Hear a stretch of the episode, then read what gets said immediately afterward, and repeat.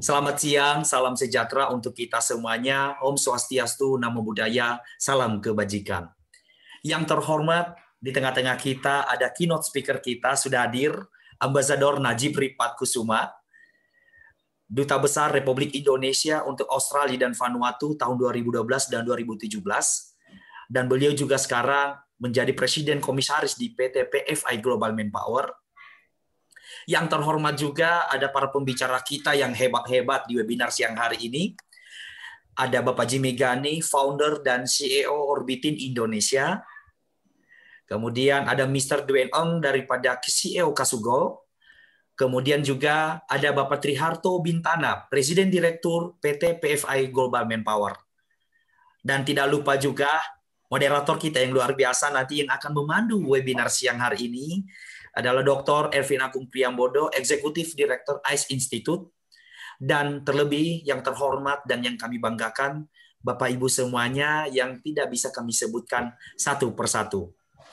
Kami dari PT Proven Force Indonesia, PT PFI Global Manpower, ICE Institute, dan Orbitin, yang merupakan anak perusahaan dari JK Corp sebagai holding company-nya, serta Kasugo yang menjadi mitra strategi kita, adalah pelaksana webinar siang hari ini sangat mengucapkan terima kasih kepada Bapak Ibu atas keikutsertaannya di webinar siang hari ini.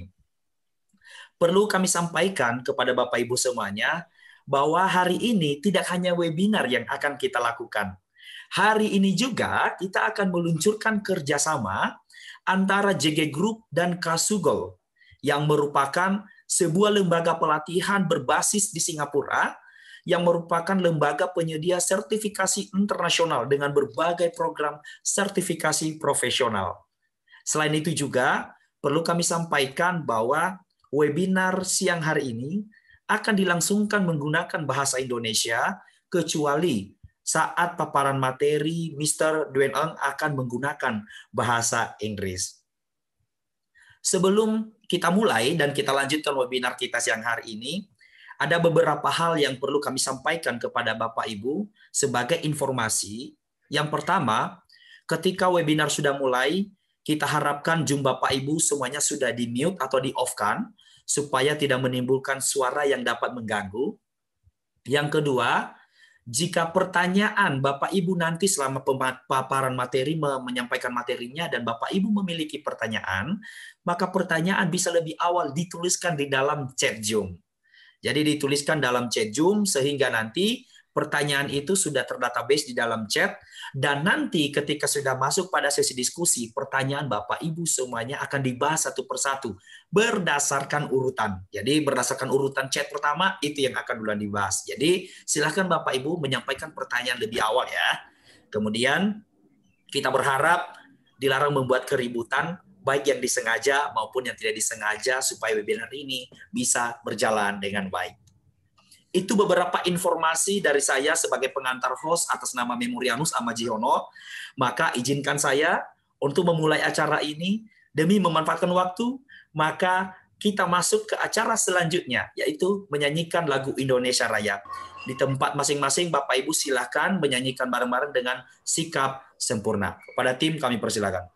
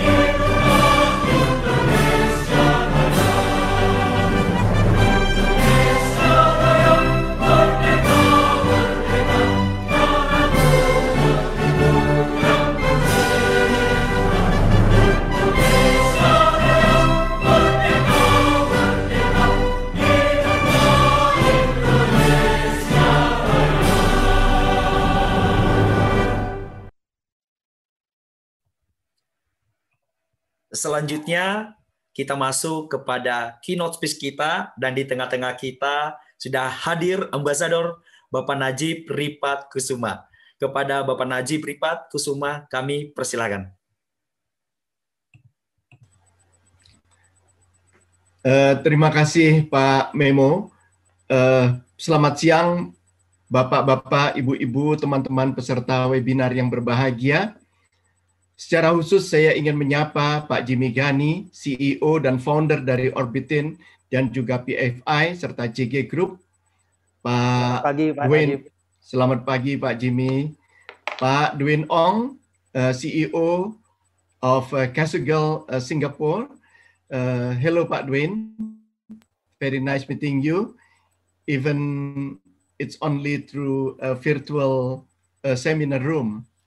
Pak Triharto, Direktur dari PFI Global Manpower, dan uh, semua teman-teman, Assalamualaikum warahmatullahi wabarakatuh. Izinkan saya menyampaikan apresiasi saya kepada Pak Jimmy, Pak Triharto, dan tim yang telah menyelenggarakan webinar yang sangat tepat waktu dengan tema khusus, yaitu Smart Ways of Doing Business Through Digitalization atau cara cerdas berbisnis melalui digital digitalisasi ini. Sebuah topik yang dibahas, dipelajari, dan dieksplorasi oleh banyak orang saat ini di semua lapisan masyarakat, terutama di negara-negara maju di dunia. Karena digitalisasi tampaknya telah menjadi sesuatu yang tak mungkin dielakkan bagi organisasi jika ingin maju, bahkan bertahan di tahun-tahun mendatang ini. Transformasi digital sangat penting untuk semua bisnis, dari bisnis yang kecil hingga perusahaan-perusahaan besar. Pesan ini kita dengar disampaikan dengan lantang dan jelas di setiap uh, diskusi panel, uh, keynote speech, artikel, atau studi yang terkait bagaimana bisnis dapat tetap kompetitif dan relevan di tengah dunia yang tengah dilanda pandemi berkepanjangan. Namun, dalam hal teknologi komunikasi semakin maju, semakin menuntut kelincahan kita dan semakin digital. Apa yang belum sangat gamblang terbaca oleh para pemimpin dan pelaku bisnis adalah apa sih sebenarnya arti transformasi digital atau digital transformation tersebut? Apa apakah ini cara yang menarik untuk men mengatakan bahwa pindah saja data dan semua informasi ke cloud? Ataukah apa perlu langkah-langkah yang spesifik yang perlu diambil? Itu pertanyaan-pertanyaan besar. Ada juga pertanyaan, apakah kita perlu merancang pekerjaan baru untuk membantu membuat kerangka kerja untuk transformasi digital?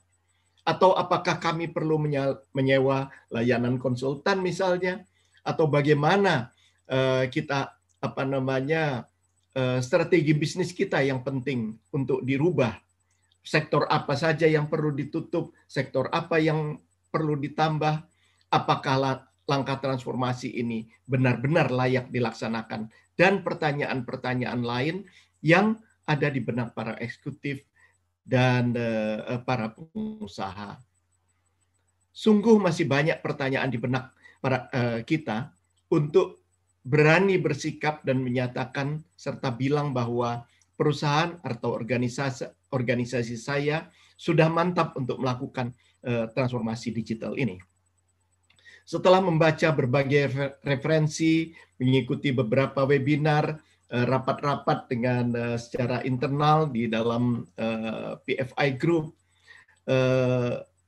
Menurut hemat saya, transformasi digital bukan hanya sekedar integrasi teknologi digital ke dalam sektor-sektor bisnis, namun juga menyangkut perubahan mindset atau pola pikir dan budaya kerja perusahaan.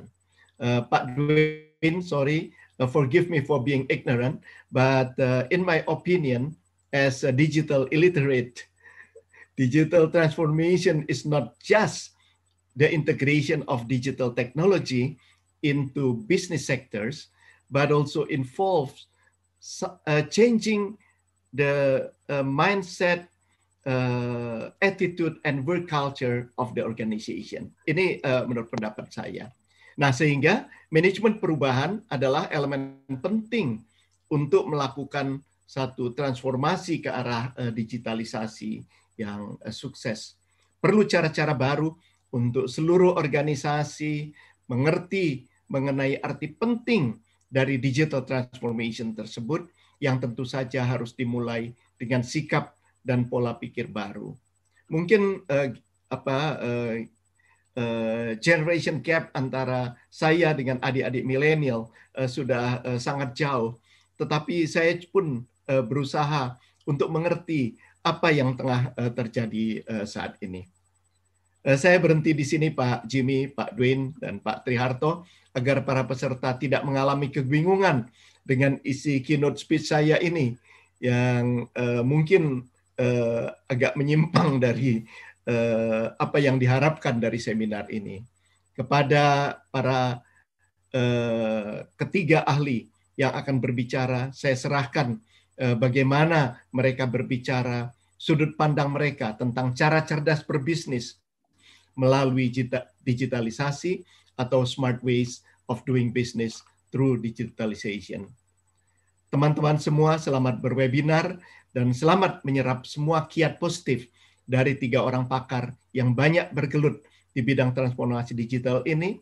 Salam sehat dan tetap penuh semangat berbisnis untuk masa depan demi masa depan kita dan masa depan bangsa yang lebih cerah.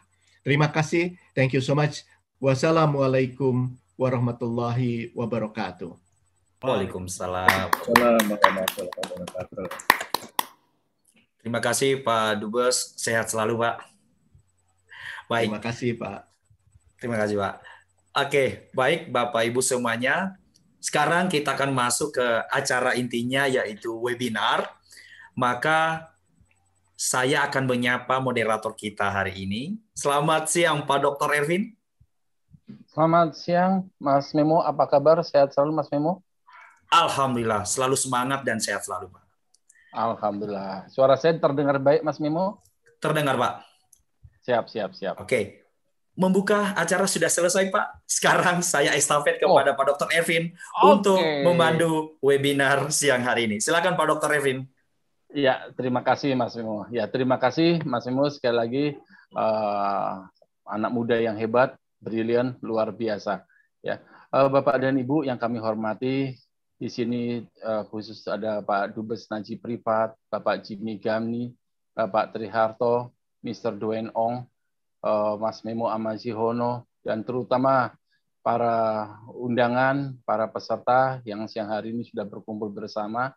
Terima kasih atas waktu dan kesempatannya kita berkumpul bersama dalam kesempatan ini. Semoga kita selalu dalam keadaan sehat walafiat dan kita bisa mengikuti materi uh, dalam diskusi di siang hari ini. Bapak dan Ibu yang kami hormati, izinkan pada kesempatan siang hari ini saya Erwin Widodo untuk uh, bersama dengan Bapak dan Ibu untuk menjadi moderator dalam diskusi yang luar biasa. Di sini sudah ada uh, panelis yang hebat itu Bapak Jimmy Jani, kemudian ada Pak Triharto, dan juga nanti pasti tentunya Pak Mr. Dwayne Ong. Bapak dan Ibu, beberapa uh, bulan yang lalu kita sama-sama ketahui bahwa pada saat Hari Kebangkitan Nasional, Bapak Presiden Republik Indonesia, Bapak Jokowi, menyuarakan semangat di situ untuk semangat. kita masuk dan siap, wah ya semangat semangat masuk dan siap dalam industri 4.0 dan digitalization di situ. Nah, dalam mewujudkan hal tersebut, ini seperti saya tadi sedikit mengutip yang disampaikan oleh Bapak Dubes Najib Privat, di sini tidak hanya kita membangun infrastruktur dalam digitalisasi, tapi juga bagaimana kesiapan dari mental kita, mindset kita uh, dalam menghadapi perubahan-perubahan dalam kaitannya dengan digitalisasi. Tapi dalam satu sisi mohon izin Bapak dan Ibu, kita selalu bersyukur Tuhan itu selalu baik pada kita. Kita sama kita semua sama-sama lagi berjuang saat ini menghadapi COVID-19. Tapi alhamdulillah COVID datangnya saat baru uh, satu tahun terakhir ini bukan kurang lebih 5 sampai 10 tahun yang lalu. Kalau COVID-19 ini datangnya 5 10 tahun yang lalu, wah kita kayaknya belum siap untuk menghadapi kondisi saat ini karena proses digitalisasi pada saat 10 5 10 tahun yang lalu masih barangkali belum sebaik dengan kondisi saat ini. Alhamdulillah kita sudah uh, cukup familiar dengan kondisi uh, apa digitalisasi ini. Hanya tinggal bagaimana kita mengimplementasikannya sehingga ini bisa menghasilkan hasil yang optimal. Dan untuk itu pada uh, seminar hari ini dengan judul Smart Ways, Smart Smart Ways of Doing Business Through Digitalization Para panelis, para pembicara, Bapak Jimmy Gani, Bapak Triharto, dan nanti Mr. Dwayne Ong akan memaparkan uh, konsep-konsepnya. Dan untuk kesempatan ini, untuk yang pertama, saya persilahkan kepada Bapak Jimmy Gani. Bapak Jimmy Gani, apa kabar Pak Jimmy? Baik, Pak Dr. Ervin, apa kabar? Alhamdulillah sehat. Ya. Pak Jimmy sehat ya Pak Jimmy ya? Alhamdulillah sehat Pak. Oke, terima kasih. Mohon izin sebelum Pak Jimmy bercerita, saya sedikit cerita sedikit tentang Pak Jimmy. Pak Jimmy adalah CEO uh, dan founder dari uh, JG Group, di mana di bawahnya di situ ada uh, Proven Force Indonesia, ada PFI Global Manpower, ada juga Orbitin di situ, dan juga Ice Institute.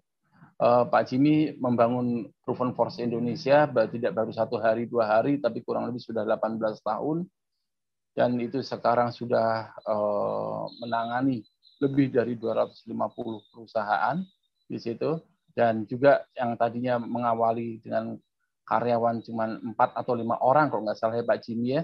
Sekarang alhamdulillah Pak Jimmy sudah dengan karyawan lebih hampir sebanyak kurang lebih 2.500 karyawan.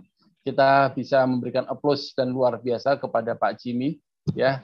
Keren mempertahankan uh, sistemilitas uh, organisasi dan juga uh, sekarang Proven Force Indonesia dengan JG Group lagi masa ganteng-gantengnya karena usia 18 tahun itu sudah bukan ABG lagi ya tapi sudah dewasa muda dan untuk itu saya persilahkan kepada uh, eh, CEO founder dari JG Group yang juga sudah dewasa muda juga pada saatnya dulu untuk sedikit sharing kepada kita semua bagaimana konsep di sini untuk smartest of doing business through digitalization.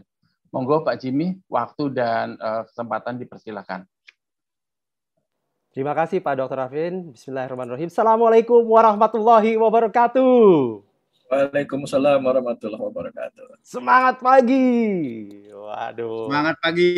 Ini kalau kalau untuk Pak Dubes memang semangat pagi karena beliau masih di Switzerland ya. Jadi uh, apa lumayan pagi mungkin jam 8 jam 9 di di uh, Luzern uh, Switzerland. Bapak-bapak, ibu-ibu hadirin sekalian, terima kasih uh, khususnya untuk Pak Ervin yang luar biasa uh, memandu uh, apa menjadi moderator acara pada hari ini. Tadi Pak Duta Besar Najib Rifat sudah menyampaikan uh, betapa uh, sekarang ini uh, banyak terjadi uh, transformasi, transformasi di bidang digital. Uh, saya sendiri memang seorang digital immigrant gitu ya, lain kayak anak saya tiga orang, semuanya digital native. Mereka lahir sudah uh, langsung mendapatkan uh, apa pelajaran tentang uh, digital gitu ya. Bahkan banyak di antara anak-anak kita yang masih kecil-kecil, mereka sudah pegang iPad uh, umur 2 tahun, 3 tahun, uh, eh, SD dan seterusnya sehingga mereka lahir itu udah menjadi digital native. Mereka sudah otomatis langsung belajar tentang digital. Nah, yang luar biasanya di zaman dulu, zaman saya gitu ya, ayah saya, ibu saya itu yang ngajarin kita gitu. Karena kita nggak literate, misalnya we are not literate in terms of uh, baca gitu kan. Uh, nah, itu yang ngajarin orang tua kita, guru kita gitu. Tapi sekarang berbalik gitu. Sekarang ini yang digital uh, immigrant itu justru yang balik nanya kepada digital native yang jauh lebih muda gitu. Seringkali kita belajarnya dari anak kita atau banyak juga yang belajarnya dari cucunya uh, atau murid kita gitu. Bagaimana kita transform uh, uh, menjadi uh, untuk memahami tentang digital ini. Saya ingat 35 tahun yang lalu pada saat saya sekolah, masih sekolah uh, menengah di atau SD bahkan ya di di Amerika di uh, Maryland uh, Amerika. Itu kita uh, ngadakan field trip ke Florida. Di sana ada Epcot Center di sebelahnya Disney World. Dan saya ngelihat waktu itu betapa orang mulai bicara apa melalui apa dulu nggak dibilang Zoom atau virtual ya. Mereka cuma bilang video conference saja gitu dan video conference antara satu manusia dan manusia yang lain sekitar 35 tahun yang lalu dan untuk kita pada saat itu nggak kebayang gitu bah bahkan uh, bahwa akan benar-benar terjadi gitu ya di masa-masa kita gitu. Tapi kenyataannya terjadi Sa saat ini juga kita sedang lakukan gitu ya. Uh, Pak Najib Privat ada di Luzen, saya ada di Tangerang Selatan, Pak Ervin ada di Jakarta gitu. Mungkin ada yang di Bandung, ada yang di Kalimantan dan seterusnya itu uh, apa bisa bersatu dalam satu platform uh, dan kita bisa diskusi gitu real time uh, tidak ada uh, lagging gitu ya time uh, yang yang uh, apa yang kita harus hadapi gitu. Nah ini menarik sekali karena seperti yang tadi Pak uh, Ervin sampaikan uh, yang luar biasanya adalah uh, kita sekarang lagi menghadapi satu uh, problem global gitu. Bayangkan nggak gitu ya kalau misalnya kita menghadapi problem global ini kita nggak nggak ada uh, media-media virtual, kita nggak ada uh, digital uh, data, apa centers, data analytics yang yang memadai. Sehingga bayangin gitu ya, kita di Indonesia aja nih, satu negara gitu ya, kita mau vaksinasi aja. Vaksinasi itu kan untuk herd immunity katanya 60%. Itu perlu serat berarti 60% kali 270 juta orang sehingga lebih dari 150 juta orang yang harus divaksin. Bayangin nggak kalau caranya itu zaman dulu Pak Ervin. Uh, apa kita harus datang ke apa RT dulu ke RW lapor kemudian ke kelurahan uh, kemudian nanti di kelurahan dikasih surat uh, ini kemudian apa surat apa pengantar baru ke puskesmas dan seterusnya itu akan nggak akan mungkin kita akan mencapai herd immunity tapi kenyataannya Amerika yang tadinya luar biasa gitu ya Eh, pandemi ini, mereka sekarang sudah membuka masker, mereka sudah mendekati uh, kegiatan normal. Memang belum ini terlalu dini, tapi mewujud men, menunjukkan betapa cepatnya uh, apa hal-hal itu bisa terjadi dengan adanya smart way of doing things. Kita nggak kebayang kalau misalnya tidak ada uh, bantuan daripada uh, digital uh, teknologi yang seperti kita lihat saat ini. Jadi ini sangat membantu. Nah, cuman masalahnya memang tidak belum semua perusahaan, belum semua orang mengadopsi. Kebanyakan perusahaan adalah perusahaan tadi uh, apa uh, corporate yang digital uh, immigrant. Mereka uh, apa perusahaan-perusahaan yang uh, udah lama berdiri, terus mereka nggak ngerti gimana untuk mentransform diri mereka menjadi uh, digital uh, immigrant. Nah, yang luar biasanya, eh sorry, digital native. Nah, yang luar biasanya yang digital immigrant ini, yang native ini, mereka cepat sekali gitu ya. Kita lihat nih sekarang, uh, sekarang lagi hype-nya Bukalapak sama uh, Gojek, Tokopedia, GoTo itu sedang mau go public gitu. Nggak kebayang uh, bahwa perusahaan yang baru mungkin belasan tahun ya berdirinya itu bisa uh, uh, apa jauh melebihi valuasinya daripada perusahaan-perusahaan yang udah bahkan lebih dari 100 tahun gitu. Nah ini kan apa karena ya tadi they they are implementing smart ways of doing things. Nah, bagaimana dengan perusahaan-perusahaan yang tadi adalah digital immigrant, bukan digital native gitu kan? Karena ya 18 tahun itu sebetulnya kita uh, udah luma, uh, apa lumayan lama ya. Sebetulnya kita bisa masuk juga ke dalam digital uh, native, tapi kenyataannya uh, PFI dan JG Group juga harus mentransformasi diri kita uh, menjadi apa lebih digital savvy gitu kira-kira ya, pinter secara digital. Karena itu akan membedakan antara perusahaan yang nantinya akan menjadi besar atau perusahaan yang akan biasa-biasa aja atau dilibas gitu ya. Kita ngelihat berapa banyak perusahaan yang saat ini mereka uh, apa begitu besarnya tapi akhirnya KO juga gitu dengan uh, kondisi yang ada saat ini. Uh, izinkan saya memberikan sedikit paparan, tapi nanti mungkin saya akan apa skim through aja beberapa hal ini sudah banyak yang saya share sebelumnya. Tadi Pak Ervin sudah menyampaikan bahwa kita ingin bicara mengenai gimana sih cara menjadi pintar untuk melakukan bisnis melalui digitalisasi gitu ya. Dan banyak nih anak-anak muda zaman sekarang gitu ya, bukan hanya bisnis, tetapi sekarang ada uh, apa profesi-profesi uh, baru, YouTuber gitu kan. Kemudian uh, apa uh, social media celebrity gitu kan. Eh, dan dan seterusnya. Ini nggak nggak pernah ada sebelumnya. Dan saya ingin bicara tentang tren itu kemudian bagaimana bisnis strateginya dan beberapa contoh mengenai smart ways through digitalization. Nanti kemudian mungkin uh, Pak Tri bisa lanjutkan dan Pak Dwayne tentunya karena uh, saya rasa di luar sana jauh lebih lebih dahulu uh, apa ini kita ya jadi kalau tadi Pak Ervin sudah memperkenalkan saya, memang saya dirikan uh, Proven Force Indonesia uh, yang sekarang uh, sudah uh, ada uh, holding company-nya JG Corp dan sekarang udah merambah ke mana-mana gitu ya. Di tengah-tengah itu tentunya saya juga pernah menjadi dirut di Sarina, suatu BUMN, pernah juga jadi rektor di IPMI International Business School, pernah juga jadi penasihat menteri desa dan berkiprah di mana-mana lah termasuk di organisasi gitu ya. Saya saat ini juga ketua umum alumni Amerika Serikat.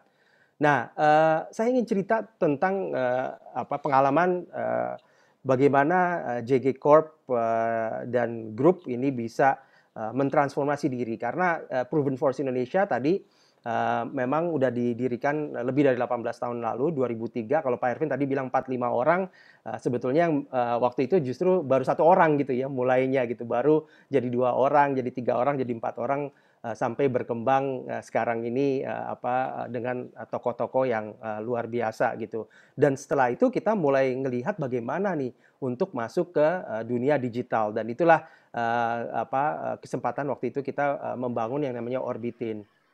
Setelah kita uh, tadi membantu ratusan perusahaan untuk memperbaiki kinerja khususnya productivity dan profitability-nya. Nah, kita tidak sendirian membangun Orbitin, Eh, kita kebetulan uh, kerjasama uh, joint venture dengan Tempo Group, uh, 55% JG Corp, kemudian uh, Tempo Media Group, uh, anak perusahaannya memiliki 45%. Kita bangun Orbitin sejak uh, tahun lalu di bulan Maret dan uh, Orbitin itu adalah uh, satu digital platform yang berfungsi sebagai inkubator, akselerator dan marketplace di mana kita menjadi uh, platform uh, untuk uh, user yang ingin Ya, yang ingin e, menggunakan platform. Nah, ininya apa? E, e, dasar dasar pemikirannya adalah bahwa semua ini harus go digital. Semuanya harus melakukan transformasi digital. Bahkan apa kaki lima pun seperti itu gitu. Kalau kita dengar Pak Dubes Jauh Hari bicara beberapa bulan lalu ya dalam Ambassador Talk bersama kita, beliau cerita bagaimana di di China itu udah jarang yang pakai cash gitu. It's a cashless society. Jadi mereka bayar pun di kaki lima itu udah pakai uh, apa uh, pakai digital, pakai handphone aja tinggal tap aja gitu kan. Kayak kita misalnya pakai sekarang ini Gojek eh Go, GoPay uh, apa OVO, uh, Dana dan seterusnya gitu. Nah, kalau mereka udah lama dan sekarang mayoritas justru itu jadi kalau kita keluarin uang cash, keluarin dompet kita, justru orang bingung gitu. Nah, yang paling penting adalah jangan ketinggalan dompet, eh jangan ketinggalan handphone gitu ya. Kalau ketinggalan dompet ya nggak apa-apa lah gitu. Nah, jadi kita uh, ngelihat Indonesia masih masih belum dan uh, belum belum terlalu canggih di situ dan kita harapkan nantinya uh, apa uh, even UMKM dari pelajar, uh, uh, profesional, startup itu uh, mengarah kepada uh, apa digital. Karena startup itu bukan hanya digital startup aja gitu ya karena kita tahu uh, the the trend yang yang terjadi saat ini gitu kan di mana uh, ini udah beberapa tahun lalu saya udah dengungkan udah mungkin udah tiga tahun lebih gitu ya mengenai globalization, urbanization dan recently waktu itu masih baru-baru memang digitalization gitu. Bagaimana dunia digital ini akan merambah gitu. Semua akan uh, mengarah kepada digital payment, uh, digital TV, uh, digital apa uh, termasuk HR gitu ya. Semua itu akan uh, lewat digital dan nggak kebayang waktu itu bahwa akan secepat ini karena memang sekarang kita dituntut untuk lakukan itu.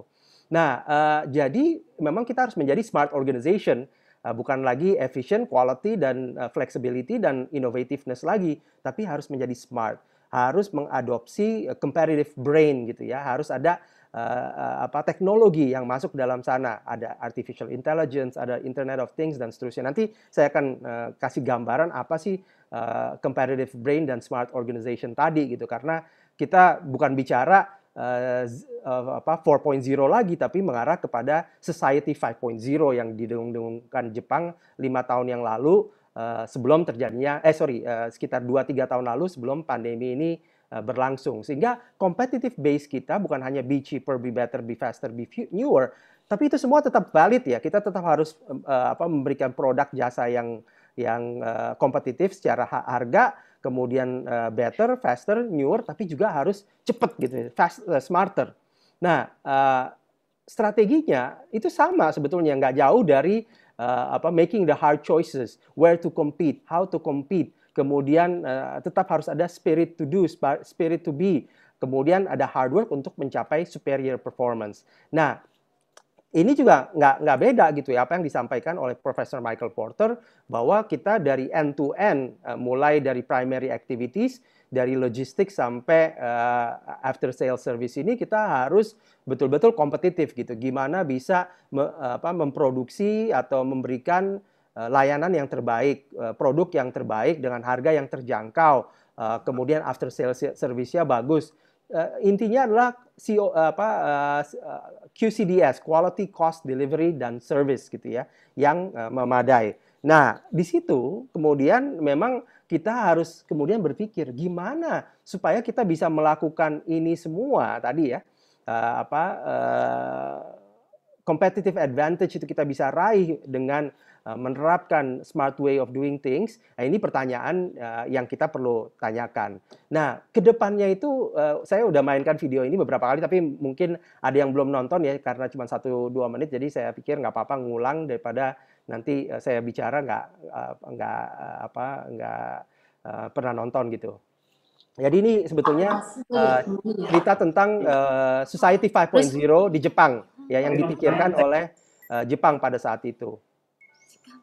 Di mana uh, delivery gitu kan udah pakai drone. Sekarang aja kita pakai delivery yang apa canggih-canggih aja dengan uh, apa uh, platform udah luar biasa nanti artificial intelligence semua yang bekerja untuk mengambil order kita gitu.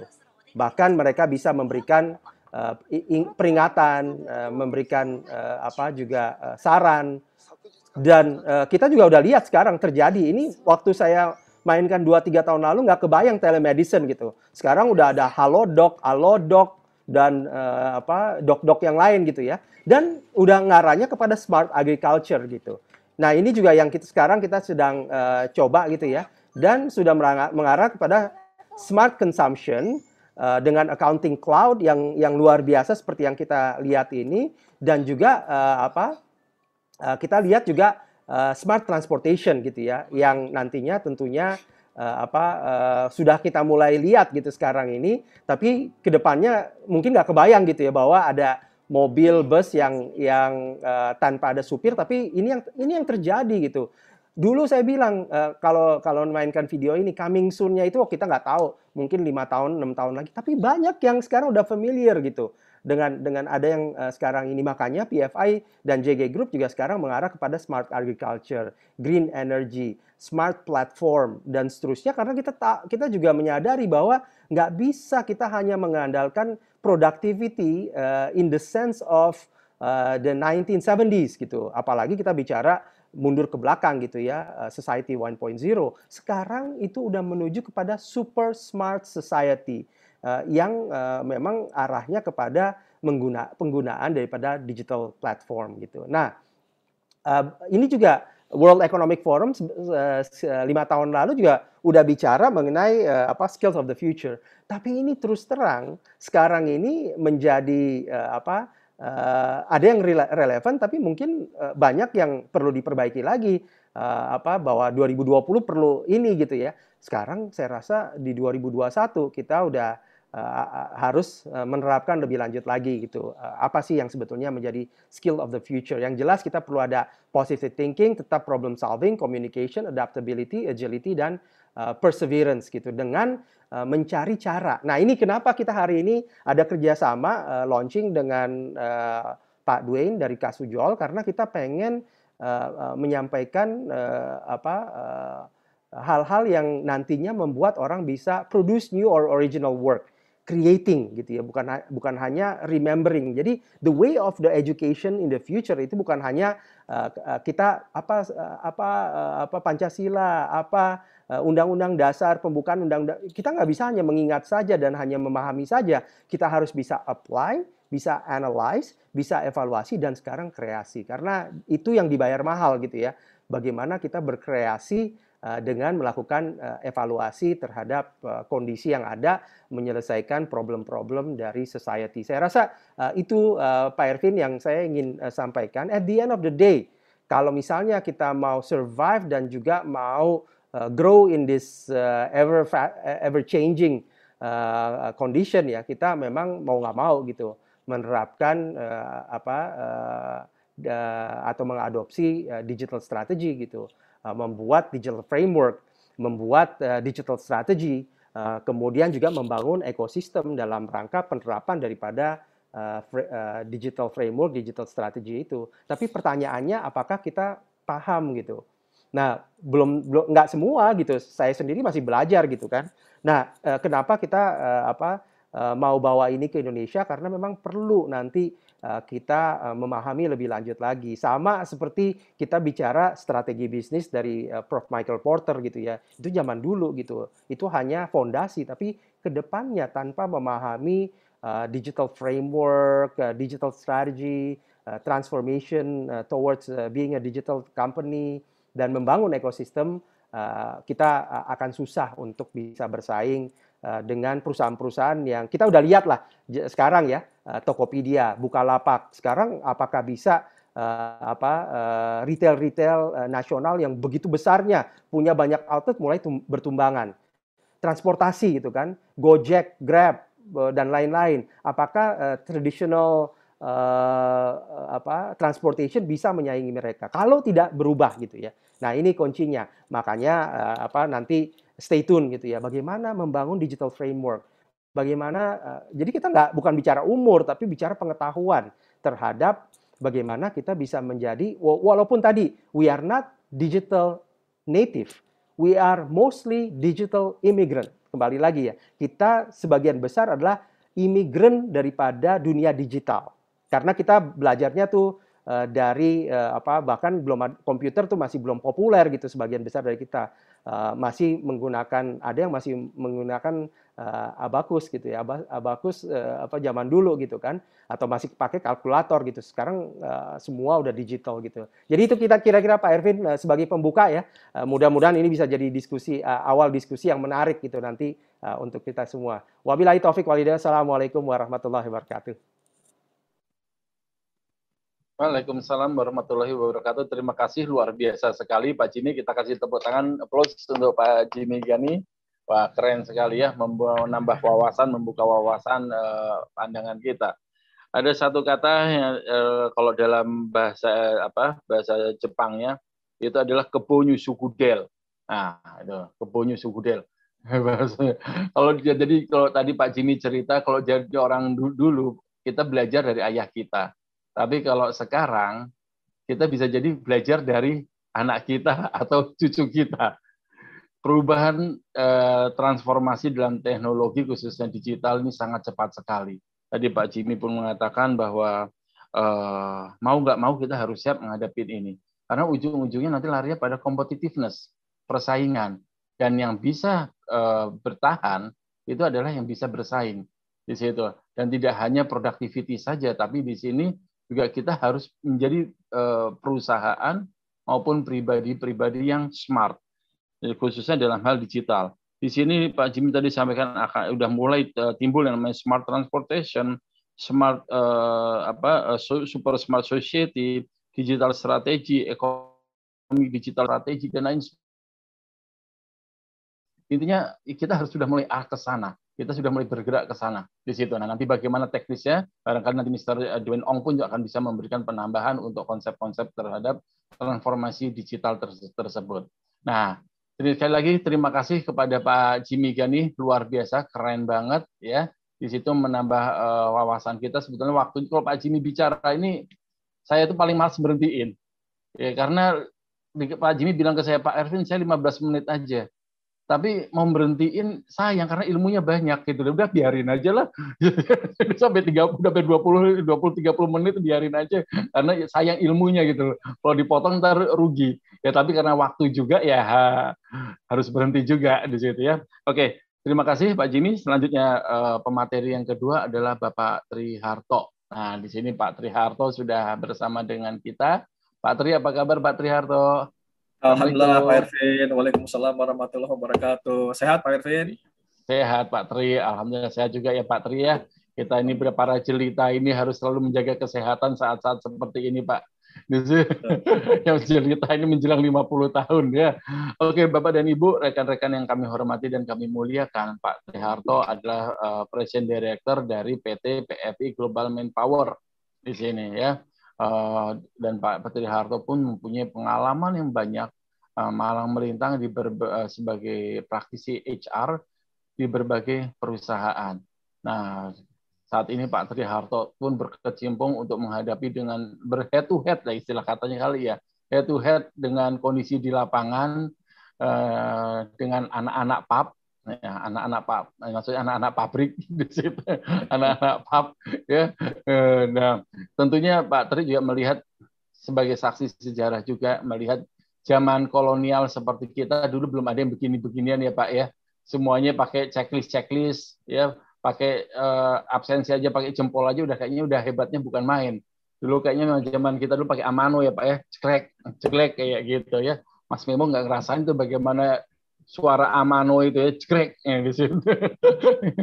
Sekarang udah pakai jempol sekarang buka doang. Waduh subhanallah. Eh, prosesnya perubahannya sangat luar biasa sekali. Nah Eh, perubahan-perubahan itu yang tentunya pasti diharapkan uh, memberikan berkaitan lurus ya berkaitan lurus juga dengan yang namanya produktivitas kerja. Di situ sudah tentu yang diharapkan seperti itu meskipun dinamika di lapangan pasti masih ada plus dan minusnya dan ada kaget-kagetnya culture shocknya kendala-kendalanya nah sekarang monggo barangkali Pak Tri bisa share kepada kita semua ya bagaimana sih kondisi di lapangan dan apa-apa yang harus kita lakukan Eh, strategi-strateginya, kiat-kiatnya, tips-tipsnya, kira-kira apa yang harus kita lakukan sebagai pencerahan bagi kita semua di siang hari ini. Waktu dan kesempatan kami persilahkan. Monggo Pak Tri. Terima kasih Pak Dr. Evin. Terima kasih. Eh, Assalamualaikum warahmatullahi wabarakatuh. Selamat siang, salam sejahtera untuk Bapak-Bapak dan Ibu sekalian. Jadi tadi kalau uh, seperti Pak Ervin bilang ini kita emang kolonial ya Pak Ervin ya di mana waktu masih ngetik apa skripsi itu masih pakai mesin tik. Kalau salah itu pakai tip X. Kalau misalnya ada kata-kata yang salah, dosen nggak mau terima, pembimbing bubar lagi mesti ketik dari awal. Itulah uh, apa. Jadi kita ya alhamdulillah bersyukur gitu mengalami zaman-zaman dari zaman kolonial dulu sampai zaman milenial ya. Mudah-mudahan uh, apa bisa menjadi uh, hikmah untuk kita semua gitu. Nah, kalau kita kembali ke topik tadi uh, Pak Jimmy Gani sama sangat articulate uh, mengapa menerangkan uh, digitalisasi. Tapi kalau saya nggak bisa Pak Jimmy, saya harus pakai contekan ya. Jadi saya harus uh, share ini, uh, share uh, screen nanti. Tapi saya harus jelaskan dulu posisi saya ada di mana gitu. Jadi saya nanti akan share saya posisi saya, kami itu ada di mana. Baru nanti setelah itu uh, saya akan mewakili nih, mewakili mungkin sebagian besar dari tadi yang Pak Jimmy bilang uh, digital immigrant yang uh, mungkin masih ada yang gaptek gitu ya, tapi juga mungkin ada yang sudah mencoba struggling tapi struggling. Tapi uh, saya coba karena saya tidak bisa seartikulat Pak Jimmy Gani untuk uh, menjelaskan ininya materinya. Oke, okay, uh, saya di sini mewakili PT PFI Global Manpower, di mana PFI Global Manpower ini uh, member of uh, PFI Group dan JG Group. Uh, kami saat ini emang uh, lebih fokusnya ke alih daya. Gitu. Klien-klien kami ada beberapa manufacturing, di mana mereka pada uh, klien itu uh, kenapa meng-hire kami? Karena emang sebagai outsourcing company kita uh, lebih objektif ya. Kemudian berorientasinya ke perubahan. Kita juga mensuplai orang sesuai dengan skills yang dibutuhkan. Kita juga melakukan uh, coaching and counseling. Dan kita juga delivery delivernya apa yang kita janjikan dan klien fokus jadi supaya klien ini bisa fokus kepada uh, tugas utama mereka atau bisnis utama mereka dan uh, dalam proses uh, alih daya kita juga selalu comply dengan government regulation ya. Kemudian kita juga accelerate re-engineering ya karena mereka tuh biasanya uh, menginginkan perubahan-perubahan dan improvement.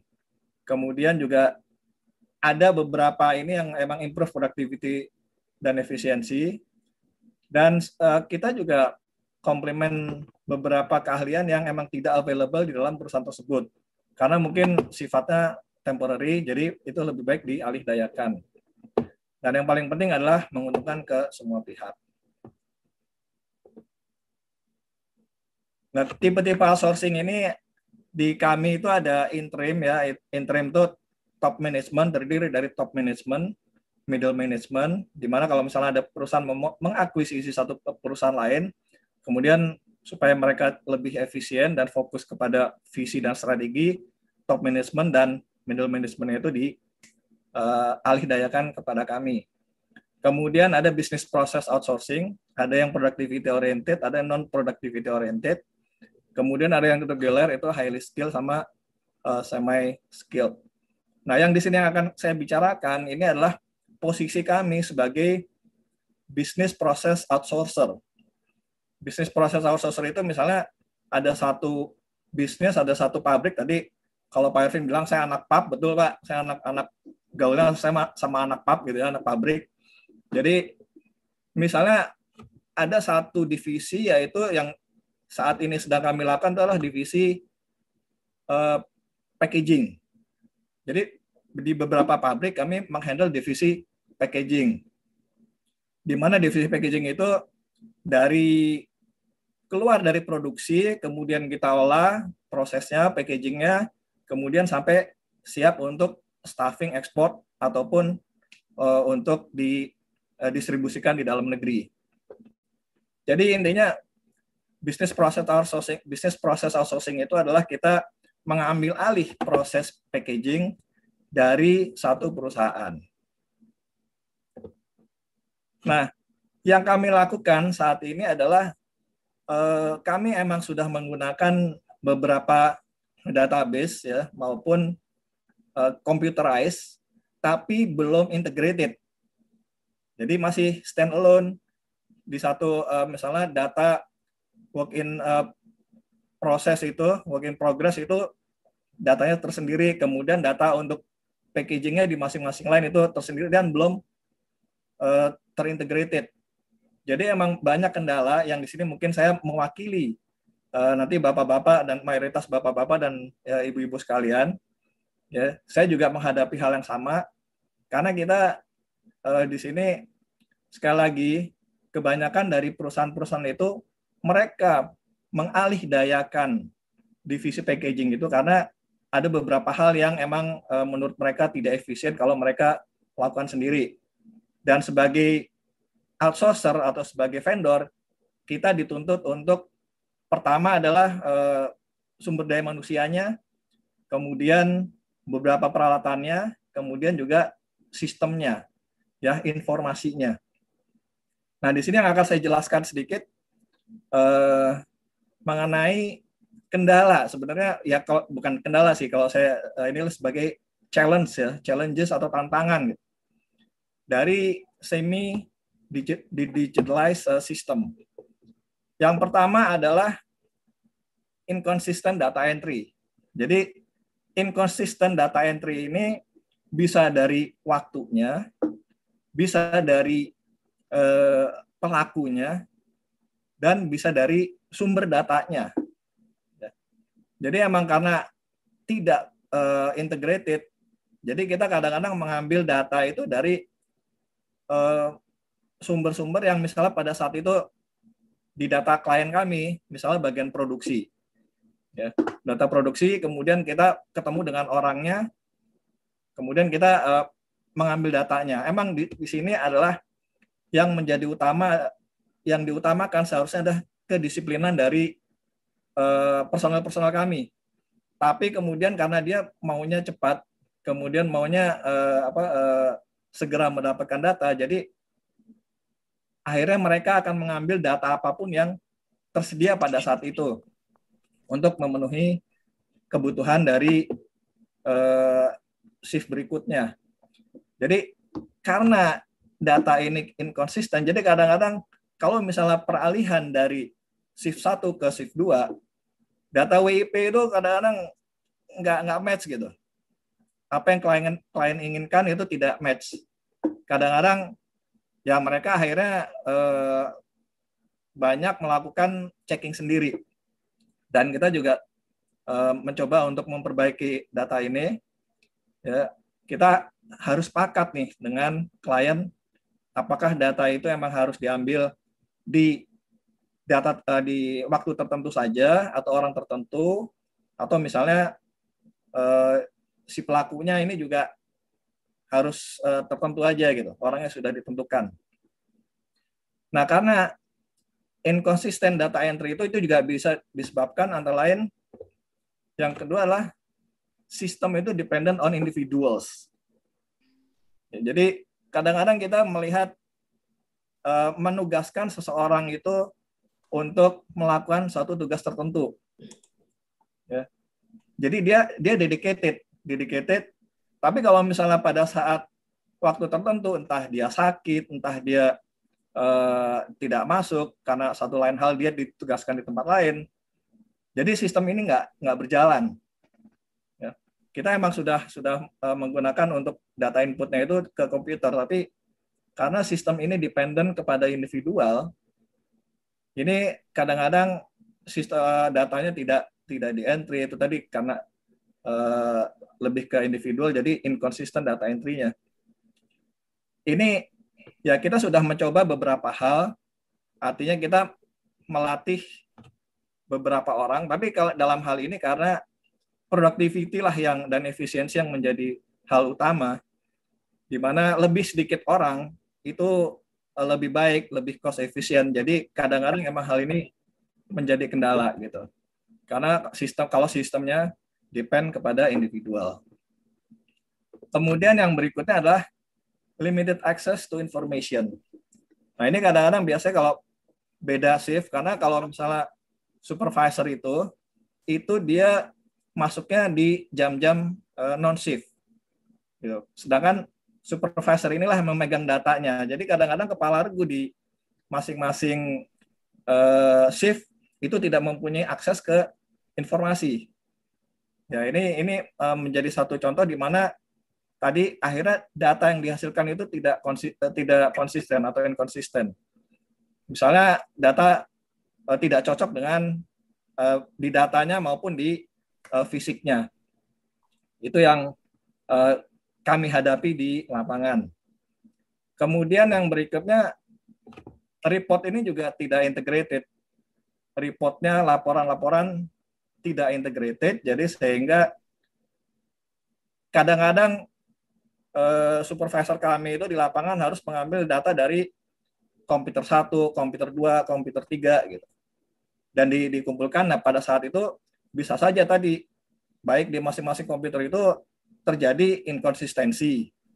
Kemudian ada yang eh, apa individual yang karena satu hal dia tidak masuk sehingga dia tidak eh, mengakses eh, tidak bisa mengentry data dan sebagainya. Jadi report ini laporan ini kadang-kadang emang kita tidak bisa eh, mendapatkan yang secara integrated gitu. Jadi mereka para supervisor ini uh, harus membaca beberapa uh, out, kemudian dikoordinasikan uh, dengan masing-masing kepala uh, regu maupun kepala shift. Dan hasil dari empat tantangan ini itu kemudian adalah kita melihat kesulitan untuk mengidentifikasi uh, akar masalahnya. Sedangkan akar masalah ini kan dibutuhkan juga untuk uh, pengambilan keputusan. Contohnya kalau misalnya ada satu produk yang uh, waste atau reject gitu.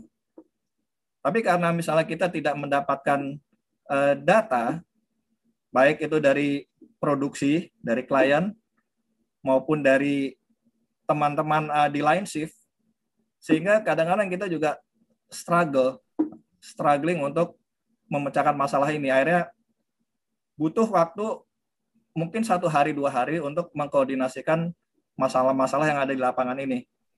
Nah ini uh, sebagai gambaran apa yang yang uh, kita hadapi, kami hadapi juga mungkin bapak-bapak dan ibu-ibu teman-teman sekalian juga hadapi di lapangan. Ini emang kenyataan emang bagaimana nanti uh, kita bisa dengarkan dari Pak Duen Ong bahwa digitalization itu emang sangat diperlukan kalau memang kita ingin uh, pertama efisien dari uh, produksi, kemudian juga meningkatkan produktivitas. Tapi emang selama ini kita juga sudah mencoba untuk sourcing, mencoba untuk sourcing dan ada beberapa yang uh, mungkin kita ini kan sebagai stigma gitu bahwa IT sistem itu ekspensif. Ya kita juga udah udah sourcing sourcing sourcing emang nggak ada yang murah. Tadi kalau Pak Jimmy bilang cloud base ya mungkin uh, baru-baru saja gitu kan cloud base ini lebih lebih affordable gitu. Tapi sebelum-sebelumnya ya kita harus menghadapi kenyataan bahwa IT sistemnya apalagi yang integrated ini masih dalam stigma kita itu mahal. Ya, kemudian yang berikutnya yang menjadi tantangan itu adalah uh, ininya keamanannya, keamanan datanya gitu. Kalau kami misalnya uh, mengintegrasikan itu da semua data, kami juga harus menjamin atau vendor kami nanti IT-nya itu juga harus menjamin bahwa keamanan datanya uh, tidak akan bocor ke uh, kompetitor kami. Gitu.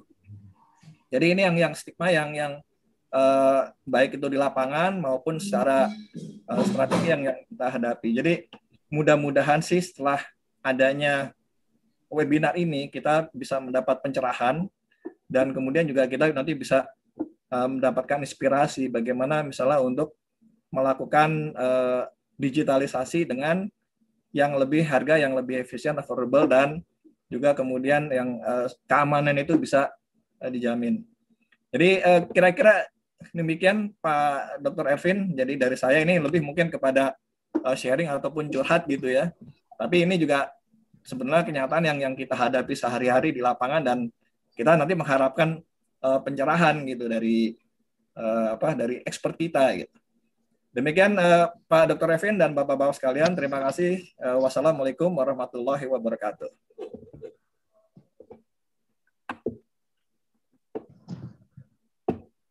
Waalaikumsalam warahmatullahi wabarakatuh. Luar biasa sekali Pak Triharto eh, sesuai dengan kondisi real yang ada di lapangan, head to head langsung bersinggungan kulit dengan kulit dengan yang ada di lapangan. Jadi Pak Tri emang mengetahui kondisi yang ada di lapangan secara nyata. Kita kasih apresiasi dan applause yang luar biasa untuk Pak Triharto. Ya, Bapak dan Ibu dan rekan-rekan semua, tadi Pak Tri juga menyampaikan di apa uh, paparannya bahwa tidak mudah ya kondisi di lapangan itu seperti apa eh, di balik kertas.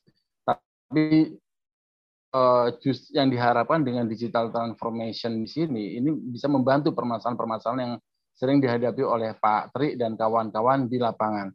Seperti report yang tidak terintegrated di situ ya. Terus uh, apa uh, apa data-data yang tidak lengkap yang untuk mendapatkan akar permasalahan itu susahnya bukan main di situ sehingga untuk eh, apa Pak Tri dan rekan-rekan dalam melakukan pengambilan keputusan itu tentunya akan eh, sangat menghambat sekali di situ. Nah, eh, Pak Tri juga menyadari bahwa apa untuk digital transformation ini dalam kaitannya dengan infrastruktur digital itu tidak murah di situ ya saat ini barangkali tapi barangkali dengan teknologi-teknologi yang ke depan ya pasti akan menjadi ada solusi-solusi yang jauh lebih murah dan menjadi lebih baik. Tapi yang pasti, yang pastinya itu adalah teknologi digital ini akan membantu kita, akan mempermudah kita, akan mempercepat kita, akan meminimalisasi juga kesalahan-kesalahan atau error yang barangkali sering kita hadapi di tempat kerja dan di lapangan. Sekali lagi kita berikan apresiasi yang luar biasa untuk Pak Triharto. Sukses untuk Pak Triharto. Ya. Oke, terima kasih Pak Tri. Selanjutnya uh, kita tunggu yang sudah tunggu di sini adalah uh, Bapak Mr. Dwayne Eng. Apa kabar Bapak Mr. Dwayne Eng? Bapak ya, Mr. Apa kabar? Ya, maaf ya saya bahasa Indonesia belum lancar. Ya, so speak English ya. yeah, so. It's okay. It's okay, Mr. Dwayne. Uh, Isem with me, maaf tidak berbahasa Inggris belum lancar, jadi berbahasa Indonesia. yeah, so we try our best. Okay. okay, thank you very much, Mr. Deng, and nice to meet you, uh, even in the virtual online uh, like this. Uh, Bapak dan Ibu semua uh, yang kami hormati, Mr. Win Ong di sini adalah uh, pimpinan dari Kasugal. Bapak dan Ibu bisa zaman zaman now itu kalau kita ingin tahu itu tinggal buka aja ketak ketik ketak ketik udah langsung ketik kasugol.com. Nah di situ apakah kasugol.com? Wow itu sudah luar biasa sekali ya jadi uh, sangat luar biasa sekali karena dalam kasugol.com ini uh, apa suatu lembaga internasional yang memberikan uh, sertifikasi internasional yang berkaitan dengan uh, digital transformation, emerging technology ya dan untuk berbagai industri. Mr. Dwayne, uh, untuk mempersingkat waktu, uh, this short time uh, for your presentation. Okay, Mr. Dwayne, are you ready? Oh, yes, uh, Dr. Irvin. Yeah, so let's get started. Yeah, first, um, thanks for the opportunity. Yeah, okay. thanks uh, uh, Jimmy and team for organizing this event. Yeah, so uh, without without uh, Jimmy's hard work and the team's coordination, um, I will not be here and wouldn't have this opportunity to share my humble knowledge. So I see some familiar faces. Some of them are actually my past students. Yeah, they have actually fly to Singapore to attend our training. So welcome. Yeah, nice to see you back again. Yeah, so allow me to share my slides. So any opportunity to share my knowledge is humbling. So in any case, if you all do not understand my English, you can try to uh, ask questions in Bahasa Indonesia. I do my best to respond accordingly. Yeah, okay. And I think uh, Jimmy will also be glad to help to translate accordingly. Okay, so let's get things started. So uh, I think it's a little bit overshot, so let's get things going. So I briefly saw Jimmy's presentation and uh, Park Trihanto's um, presentation as well. Yes, um, things are moving extremely fast. And what Jimmy have shared is actually bringing us to what are the potential opportunities that can arise for future businesses. Okay, future businesses can expect to see lots and lots of technology being implemented in their businesses and how they can actually use these simple technologies to enhance their business and more so gain competitive advantage in the businesses that they are in. Yeah, okay. But in order to do that, we need to take a, take a step back and what uh, Park Trihanto actually show us is the data and the information that is required. So in order to achieve data success, uh, in, I think it is important for us to know that without data, there is no way we can be speaking about digital transformation or emerging technology. Okay. In fact, it is only data that can help us to thrive in uh, digital transformation. Okay, so let us get things started. Allow me to share with you the background on digital transformation first. Once that is done, we move on a little bit more beyond data into artificial intelligence. I think that is something that is important and how it is impacting future businesses. So as you can see, thanks to the advancement of technology, I can be presenting in my home office my son is just behind me and, and uh, sharing my humble knowledge with the rest of Indonesia here. Okay, so, so uh, thanks to technology, things are actually moving that fast. And one thing to take note, this will for sure be the new norms. Yeah, this will for sure be the new norms. Just yesterday, when I was reading the news, uh, Indonesia is actually undergoing another round of pandemic uh, precautionary measures to enhance the security due to COVID-19. So most of us are expected to work from home for a long, long time. Likewise in Singapore and everywhere else. So let's take this opportunity to gain some insights and leverage on the power of technology to connect to the rest of the world. Okay, so a little bit about uh, digital transformation. So just a quick background. Over the past three to five years, yeah, uh, over the past one year, things in terms of digital transformation, things has been accelerated as uh, moving extremely fast. Okay, um, the digital transformation effort across the world has accelerated by approximately 5.3 years, which means to say what you have actually planned for one years back, if you are not moving towards the trend, you will realize that your business will be extremely slow and, and suffering tremendously. And in fact, this is a real case. There are some stats and facts on screen. I will not be touching on that. So uh, feel free to read. Uh, so, but one thing is for sure, if your business are not starting to leverage on simple technology to kickstart your transformation, I think it will be extremely dangerous. So many big companies or good companies, due to the lack of digital transformation, not only in Singapore, but in Indonesia as well, over the past one and a half years have disappeared. Yeah, good companies have become bankrupt and uh, small medium enterprise have closed down. Just the month of March and April last year, about four to 5,000 companies in Singapore have actually closed due to the pandemic situation. But if you have understood why the nature of its closure, it's not because they are extremely bad or running into poor cash flow. It is of course, it is often at times due to the lack of technology resources or understanding in how to transform and move extremely swiftly from a analog world into a digitized world. Okay, this is one of the reasons why most companies failed in the past one and a half years. And given that there's a lots of companies failing, there are also lots of companies thriving and succeeding. Like one, one of the companies that is thriving is uh, uh, some some of the companies that are actually young and small are actually able to actually dominate the world market and all and reach out to the global international market by leveraging on tools and technology. So people will be thinking, okay, we do have Zoom, uh, Zoom. So using Zoom is very easy to connect everywhere else. Yes, Zoom is just an enabler. Without a clear process or framework, it is not possible for you to successfully transform from a analog world into a digitized world, even if you have Zoom and all. Okay, using Zoom is always, always easy, right? But a process to support the transformation is more important. Okay, that is why uh, thanks to the partnership with uh, Orbitin, yeah, if I pronounce the name correctly, yeah, and uh, Jimmy, Jimmy and team, yeah, we are able to bring our digital transformation courses in uh, certified digital transformation professional and and uh, all those data analytics courses into Indonesia. So keep a lookout. Um, there will be some exciting announcements by the team here. Yeah, so uh, do keep a lookout. So we will be glad to welcome you for your embark on a journey. Okay, so let us move on. So these are some of the common trends uh, that you will be expecting in 2021 and beyond. Okay, so contactless solutions, we all know about that. Uh, scenario planning, omni-channel retailing, we are pretty familiar artificial intelligence is one area that is gaining the forefront, um, being brought to the forefront of almost all businesses or uh, industries.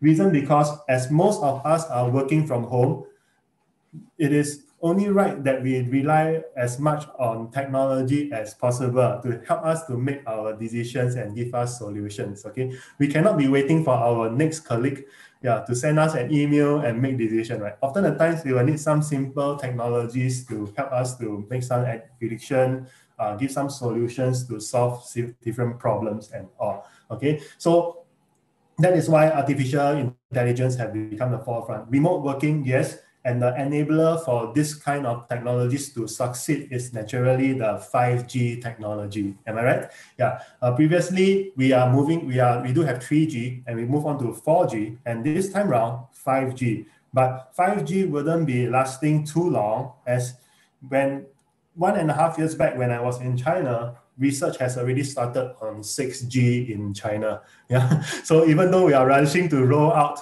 uh, 5G, 6G is already in the research pipeline. So you will be sure that given the advancement and speed of technology, 5G wouldn't be lasting for too long. Yeah. So so what does this mean for business? It means that if you're not starting to collect data and use simple and free technologies for your digital transformation, there will be a high chance that you will not be able to catch up with your competitors. Yeah, this is a real case. Yeah, this is a real case. So and if I can recall from Park Trihanto's, uh, Trihanto's uh, presentation, there's a slide saying the cost of digital transformation.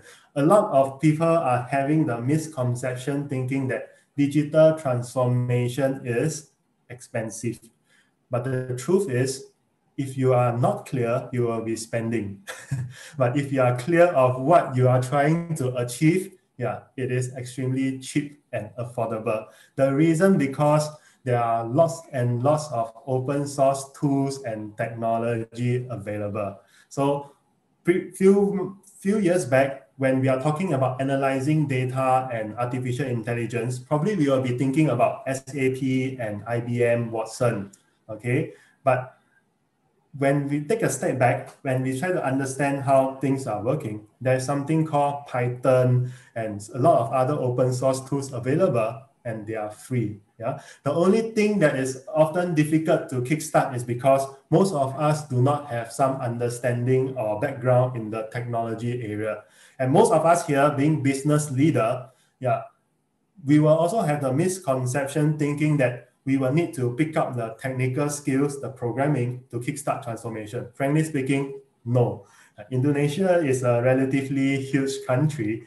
Uh, in one of our interview with uh, Liputan uh, Indonesia, yeah, a newspaper, yeah. So what are the key areas that is often missing? Yeah, so it's often the times the lack of talent. So organizations and businesses should start to think what are the strategies that you can help these talents come on board to your organization in an extremely cheap and affordable manner based on a certain framework and guideline. So frankly speaking, it is not cheap.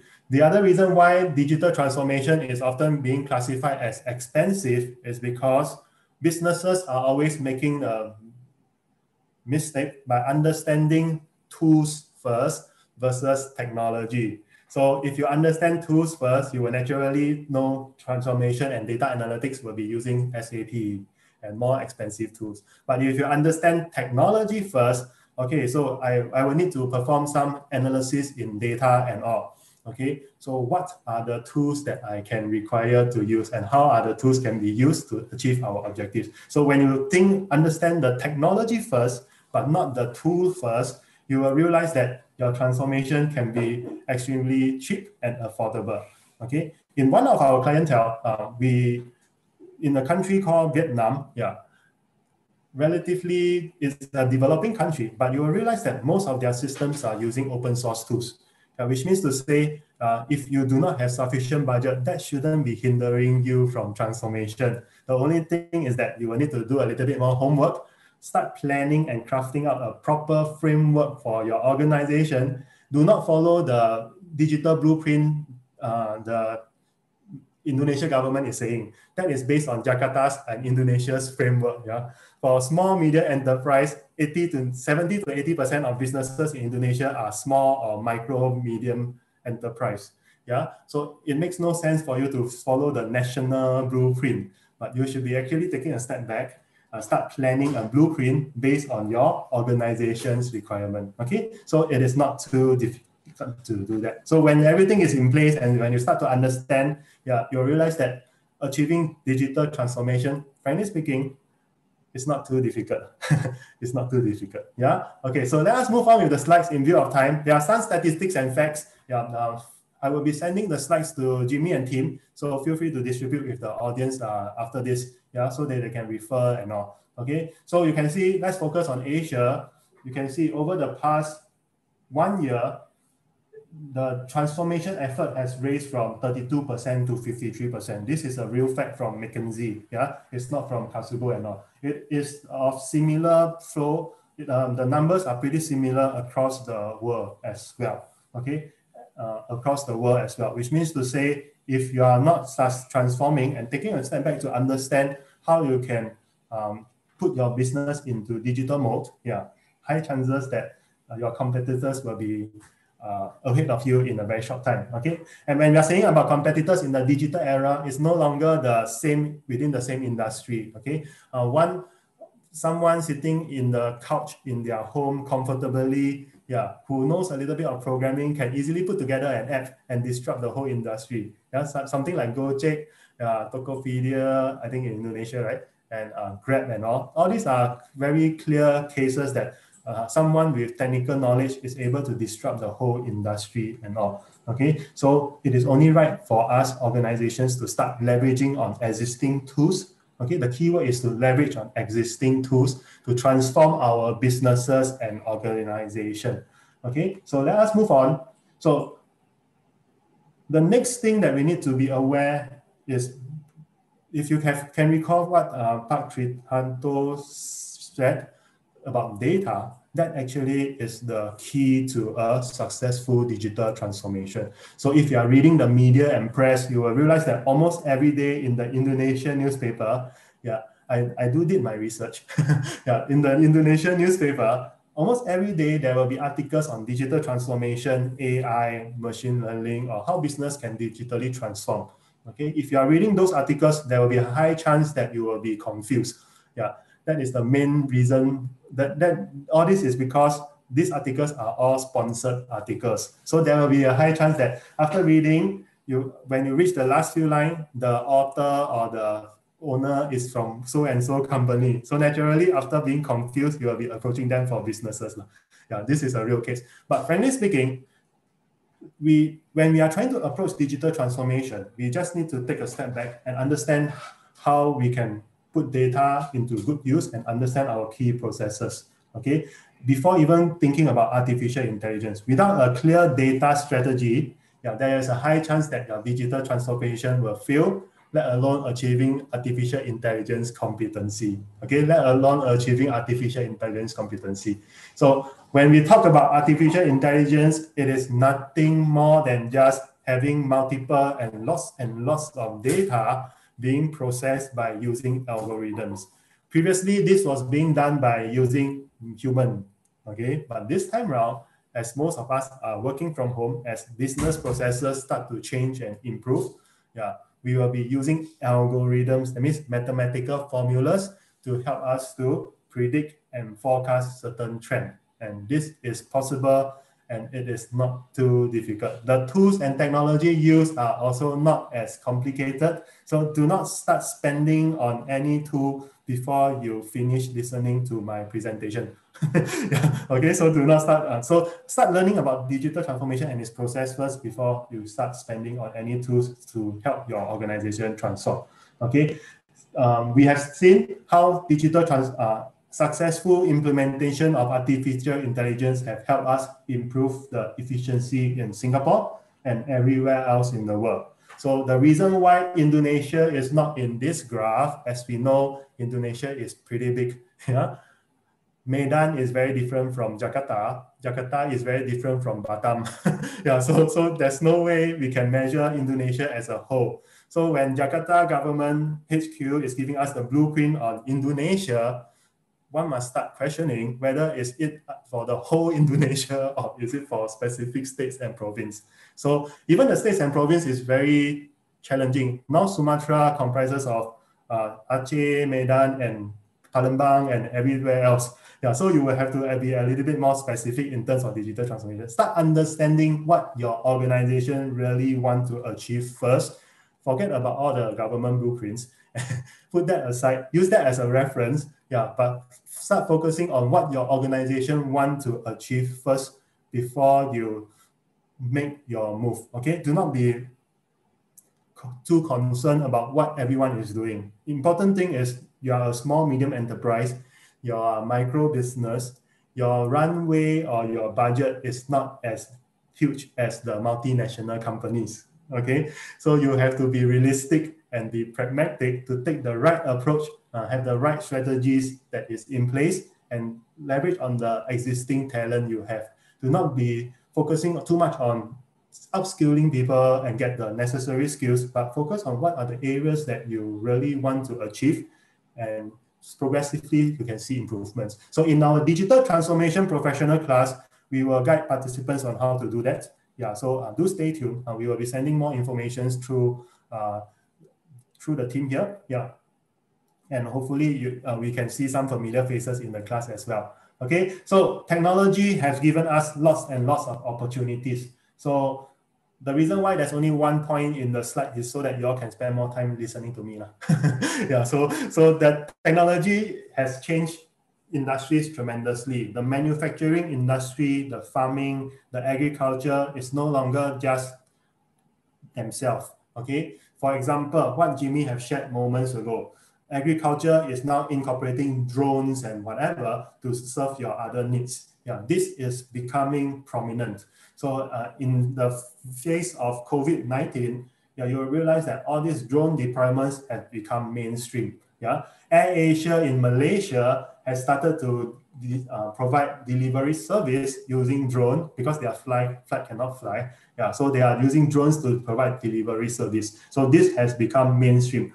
But one thing to take note: in order for you to perform or create, uh, manage all these drones, the backbone behind all these other technologies still falls back to the data and information. So what Pak Triharto actually shared with us is very much the case. Okay, it's the you will need to have a successful data strategy. So once uh, a successful data strategy is in place, then you can kickstart a artificial intelligence strategy. Yeah, take step by step and take, take a step by step approach. Do not be too ambitious. Many a times small medium enterprise get too excited when we are consulting with them and want to achieve wonders. Yeah, in a short time they want to become artificially intelligent.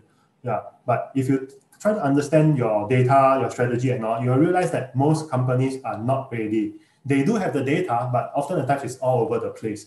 Like what uh, Patriato said, it's all over the place. It's not centralized. So it's difficult for you to make decision. Yeah, so try to understand how technology works first before starting your digital transformation.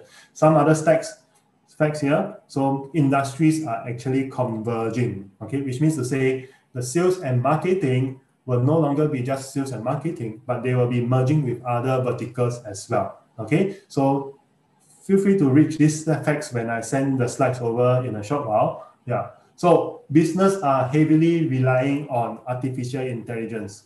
Okay, take for example, um, CapitaLand, a relatively large development company. Okay, I think in Singapore, in in Indonesia, there's uh, Citra, Ciputra, or Viraland. All these are relatively large uh, development firms.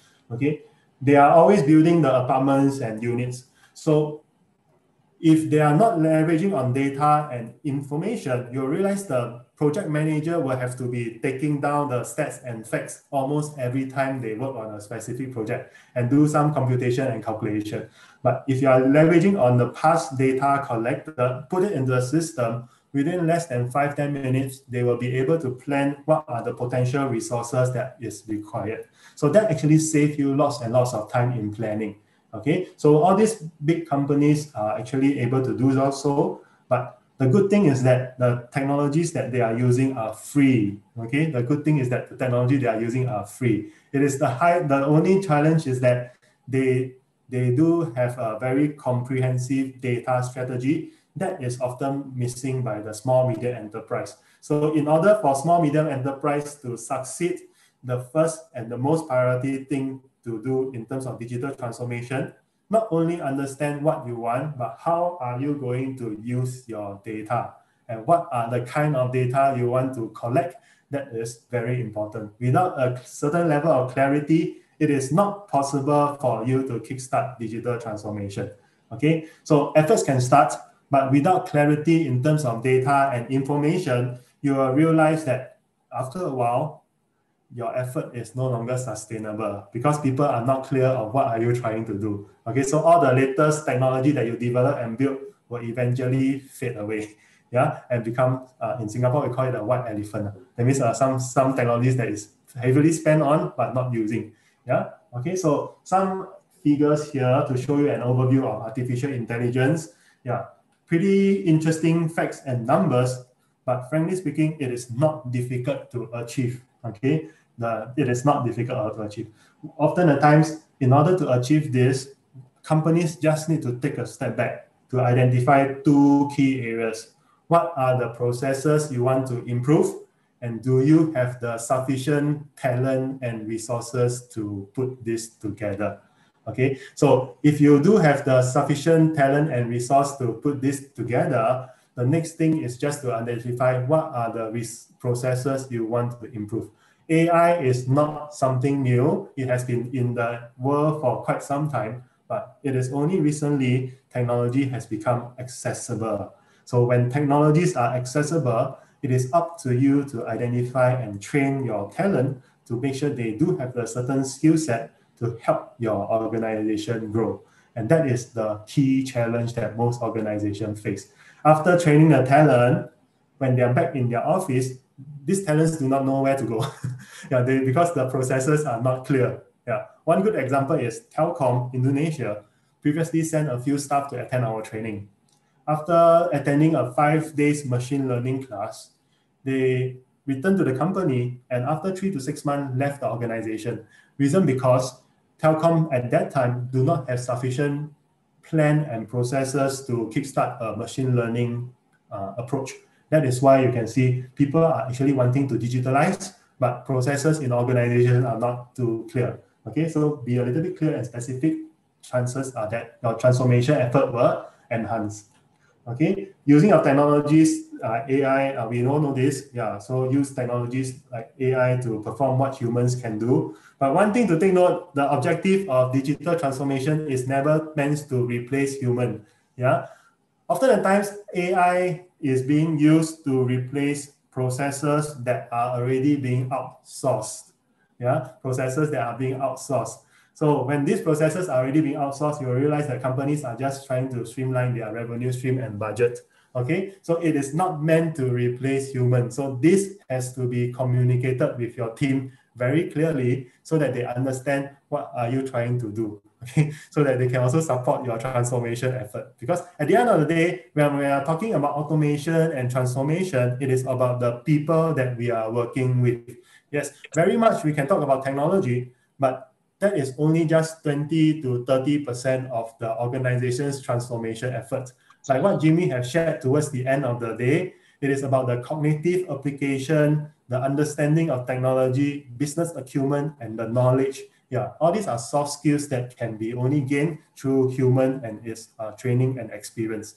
Okay, so these are the areas that is consistent machines are not able to achieve. Yeah, we can talk about the processes and all, business uh, technology and AI can do that because it is just following the accurate flow. But if you are talking about uh, prospects, uh, decision making, and all, we will still need humans to do that. Okay, so these are some of the things to take note. So collection of data is important. Yeah. So when Pak Trihanto was sharing, it, it's mainly the collection of structured data because of the of the flow and all. But one thing to take note as technology and data advances, and thanks to social media and all, we are able to collect unstructured data as well. Okay, unstructured data are those data that is from Facebook, social media, videos, and all. Okay, you will learn a little bit more on this if you attend our data analytics class. yeah, so so uh, do keep in uh, in touch with the team in uh, JAC group. Yeah, people will be they are more than willing to guide you through the learning journey. Okay, and last but not least, um, it is important for you to establish some targets. Okay, a good plan without targets is often called a called a misfire. yeah. So you, if you have a good plan but you have no targets and all, or you're not, you are just wandering around feeling lost. Yeah. Uh, wandering around the jungle but not knowing how to exit. Yeah. So have some metrics and targets to guide your learning and transformation. Okay. So if you do have any difficulties, feel free to reach out to us we will be glad to guide you through. Yeah, and I think the team in JCG group it will also be glad to guide you through as well. Yeah, so last but and we have actually spoken about this. Yeah, uh, on the change of values and culture. So as you can see, yeah, it is still about you humans as well.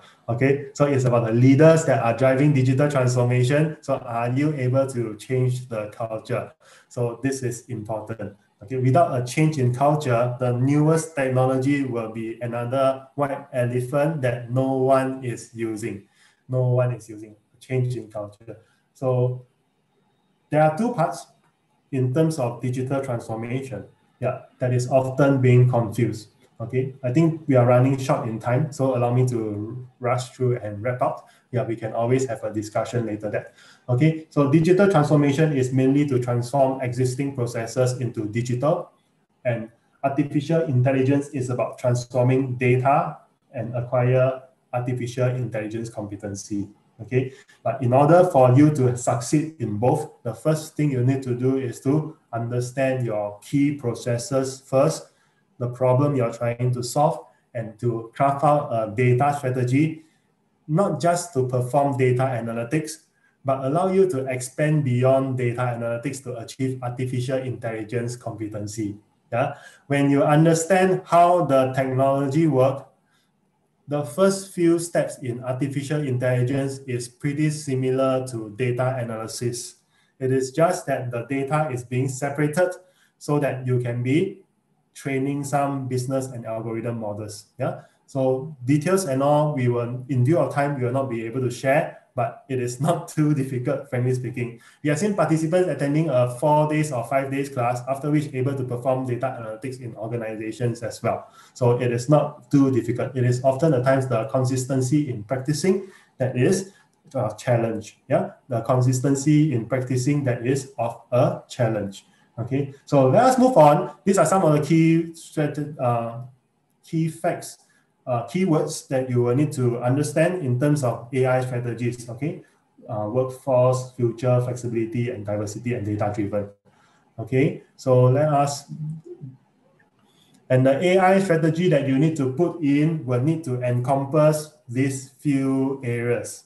Okay, these few areas are important. The government and all let us put that aside. For small, medium enterprise, that is not our main problem. Yeah? Uh, research and development is always ongoing. yeah. Okay. Last but not least, small, medium enterprise should focus on ethics, capability, capacity, and data and digital infrastructure. Okay. Government, don't be too worried. yeah, Indonesia is very big. Yeah. Okay. We can always uh, do our best, and that is the way, best way to serve our country. Yeah. The rest of the areas companies can do. Okay, some companies will probably ask, my company is only three people. Uh, so how am I going to focus on research and everything else? Okay, it's very simple. In terms of business, I think uh, entrepreneurs here will know if you do not have sufficient capital, supplement it with time. so spend a little bit more time to to uh, do some research and studies and learn the technology and do it yourself. Yeah, in fact, that is the fastest approach to digital transformation. If you're waiting for the next consultant or the next expert to come on board, high chances is that when they come on board, they are just spending time to understand your problem, not coming out with the solution yet. Yeah, so spend some time, do your research, understand what you want, and re- look for the consultant that can achieve what you want to achieve, not the other way around. Yeah, a lot of people are spending extremely, extremely big money on BCG, McKinsey, yeah, just to get them to come on board to learn my business process and hope that they can create magic. High chances is that you will fail. Yeah, this is a common case. You see, I can see Jimmy laughing. So, so he, I believe he agrees with me. Yeah. Okay. So, so let us move on. I think in the last few slides, uh, HR strategies, all these have to be in place. Yeah. Feel free to read through these slides uh, when we send it to you. In view of time, I will not be able to delve deeper. Yeah, if you have any difficulties, you can reach out to us, uh, Jimmy and me, whatever, we are all we are strategic partners, right? So naturally, we'll be engaging your you and try to our best to advise you. Okay, some key facts and all. And last but not least, one thing to take note: some of the jobs will be expected to lose, but this creates opportunities for new jobs to be created. But are you ready to accept or embrace these jobs? For those of you who are not entrepreneurs here, yeah, you will realize that uh, you will be thinking that okay, what what are the what are the challenges that if I want to look for jobs in this area? Okay, then frankly speaking, there are lots and lots of opportunities. The only thing that is lacking is the skill sets. Yeah, people are always and what are you trying to achieve? Yeah, in Indonesia, yeah, depending on your level of uh, education Excuse and all. me, Mr. Duen Ong. Sorry, mm-hmm. Mr. Duen Ong. Mm-hmm. Two minutes again, Mr. Duen Ong. Okay, sure. So finishing, again. finishing. Okay. Yeah. Thank you, thank you, thank you, thank you. I'm sorry, I'm sorry, I'm sorry. Yeah, no problem. Okay. Yeah, so I understand. okay, so so some of the new opportunities here. Uh, feel free to look into the slides. Yeah, okay. And last but not least, before we end the day, you must understand where are you now, okay, in terms of digital transformation. Do not just buy the next technology. Yeah? Uh, do not just buy the next technology. Yeah, you will high chances as that you will fail. Yeah, so understand where are you now and how are you going to spend. Okay, so I think that is all about me. There are some facts and all and all about Kasugo and all you can read on the website. yeah, but more important thing is that in our organization, try to classify your organization into four different groups in terms of digital transformation.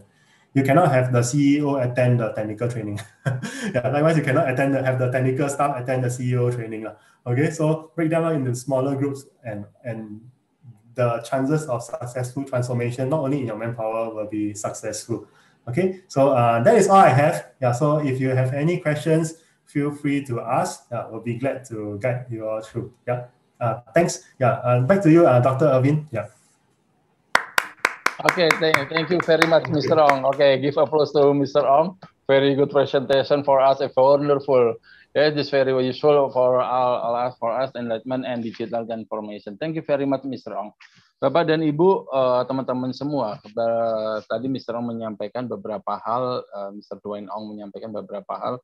Salah satunya memang saat ini kita harus realistis ya, realistis dan juga pragmatis. Emang digital transformation itu sudah bagian dari kehidupan kita dan juga beliau sampaikan adalah teknologi itu adalah suatu enabler yang merupakan alat bantu bagi kita untuk meningkatkan uh, aktivitas produktivitas kita dan lain sebagainya. Tapi di situ juga kita memerlukan sebuah kemampuan yaitu data analisis. Ya, dan zamannya sekarang sudah kita masuk ke zaman ke sana.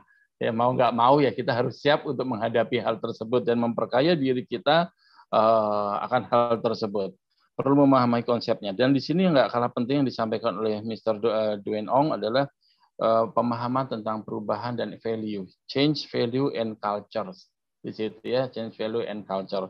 Dan juga uh, dia menyampaikan tadi ya, it's not too difficult. Ya, nggak susah. Ya, coba aja di situ ya. Oke, terima kasih. Thank you very much, Mr. Dwayne Ong. Uh, di sini saya sudah dapat kode-kode dari Mas Memo, ada beberapa pertanyaan ya. Dari yang pertama mohon izin uh, ini barangkali untuk Chief Jimmy uh, kepada Pak Jimmy ya dari, dari Bio Ignis di sini.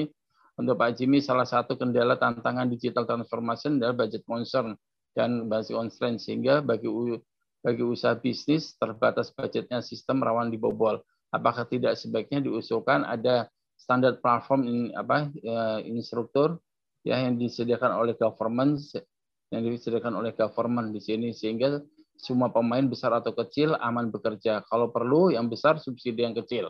Nah, oke okay, very good. Yang satu lagi dari Pak Kurniawan di sini ya uh, dari Bandung Pak Jimmy uh, untuk mengikuti perubahan ini apa yang harus dilakukan masyarakat uh, dan pelajar mahasiswa dalam menyongsong era digital di situ ya dan ini satu lagi langsung aja mohon izin Pak Jimmy ya. Langsung satu tarik kan ini 3 in 1 kayaknya silakan, untuk silakan. Pak Jimmy. Ya, ya. 3 in 1. Satu lagi terima kasih dari Pak Bob Iskandar untuk Pak Jimmy bagaimana digital platform versus competition competition advantage. Wah, dalam ini dan kebetulan ini kayaknya pakarnya emang Pak Jimmy ini di kompetitif kompetisi kompetisian. Oke, monggo Pak Jimmy dipersilakan untuk uh, menjawab uh, pertanyaan tersebut. Silakan ya, Pak. Terima kasih. Terima kasih Pak Ervin. Jadi uh, apa uh, kalau tadi yang pertama ya uh, dari uh, Chief Ignas mengenai uh, bahwa uh, security ini penting sekali gitu dan memang mahal gitu. Uh, menurut saya memang uh, apa uh, tadi gitu kalau misalnya kita bicarakan mengenai uh, security uh, relatif ya uh, artinya kita perlu melihat uh, banyak provider-provider di sana yang uh, apa uh, yang bisa memastikan bahwa uh, apa standar security-nya tuh bagus gitu. Justru itu ada ilmunya gitu kan. Kalau kita nggak ada ilmunya, apa yang terjadi gitu ya? Uh, ingat beberapa waktu yang lalu data-data bocor gitu kan dari misalnya BPJS gitu itu kan heboh banget gitu. Kok bisa gitu kan? Terus juga uh, bisa terjadi juga dari Facebook juga waktu itu juga sama bocor gitu kan. Itu sangat sangat sangat ini ya. Tapi apakah uh, karena masalah security itu kemudian kita menghindari digitalisasi ya jangan juga gitu.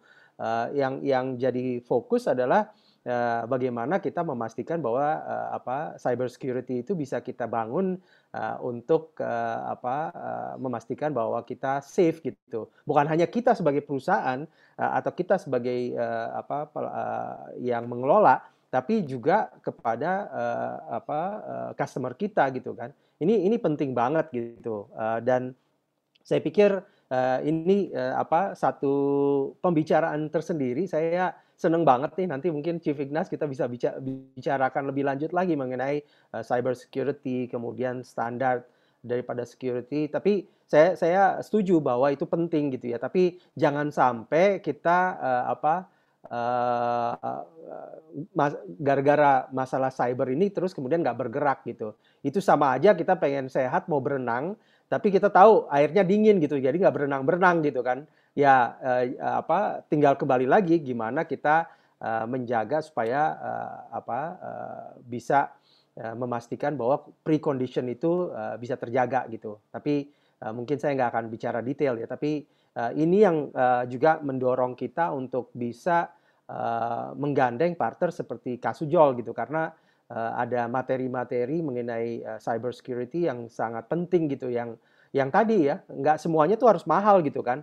Ya gini deh uh, kita uh, pengen bangun satu mobil gitu kan uh, mesinnya gitu ya. Dan kita uh, kalau misalnya kita ke bengkel uh, apa mobil itu misalnya BMW gitu kan itu mahal gitu. Tapi kalau kita mau ngerjain sendiri tanpa ada ilmu juga susah gitu jadi kita mesti uh, apa menguasai ilmu itu sendiri gitu. Itu itu yang pertama ya. Jadi saya setuju dengan uh, Chief Ignas mengenai uh, apa perlunya standar uh, security tadi gitu. Uh, yang kedua uh, adalah uh, apa tadi Pak Irvin? Apa yang harus dilakukan? Perubahan ya tadi ya. Pak Ervin? Oke, uh, saya belum dengar dari Pak Ervin. Jadi saya masuk ke yang ketiga dulu ya. Yang izin Pak. Ah, iya. Saya bantu Pak. Pertanyaan kedua itu berhubungan dengan Maaf, saya Jimmy. Ya, silakan Pak. Ya, maaf, maaf tadi kebetulan saya masih masih, masih saya uh, tapi saya uh, jadi Pak Jimmy untuk mengikuti perubahan ini apa yang harus dilakukan masyarakat dan pelajar mahasiswa dalam menyongsong era digital. Oke. Terima kasih Pak Irvin. Ini ini menarik banget gitu karena setiap uh, apa uh, teknologi atau uh, disruption teknologi teknologi disrupsi ini uh, tentunya akan ada uh, perubahan yang harus dilakukan. Sama waktu misalnya uh, the first uh, revolution gitu ya, uh, dengan adanya mekanisasi, kemudian uh, tenaga uap, uh, mekanisasi kan uh, apa? Jadi uh, mesin tuh menggantikan kan manusia gitu ya. Jadi uh, apa? Otomatis manusia yang yang tergantikan dengan mesin itu dia harus belajar lagi gitu untuk uh, bisa retooling uh, diri mereka memahami bagaimana how the mechanization works gitu sehingga bukan menjadi korban daripada disrupsi tadi tetapi menjadi benefactor uh, atau menjadi uh, orang yang mendapatkan manfaat gitu. Kuncinya apa? Ya ilmu, udah pasti gitu. Kalau misalnya dia uh, merasa waduh kayaknya semuanya udah di uh, apa lakukan uh, oleh mekanisasi udah nggak ada uh, apa uh, nggak bisa pakai uh, uh, tukang delman gitu ya. Misalnya waktu misalnya ada mulai ada mesin gitu kan, udah nggak bisa uh, jalan lagi karena mobil udah mulai ada dan seterusnya. Nah itu uh, ya dia harus belajar uh, hal yang baru gitu menghadapi perubahan itu karena gimana pun kita protes terhadap perubahan itu disrupsi itu akan ada gitu. Begitu dengan yang kedua gitu pada saat mass production gitu ya.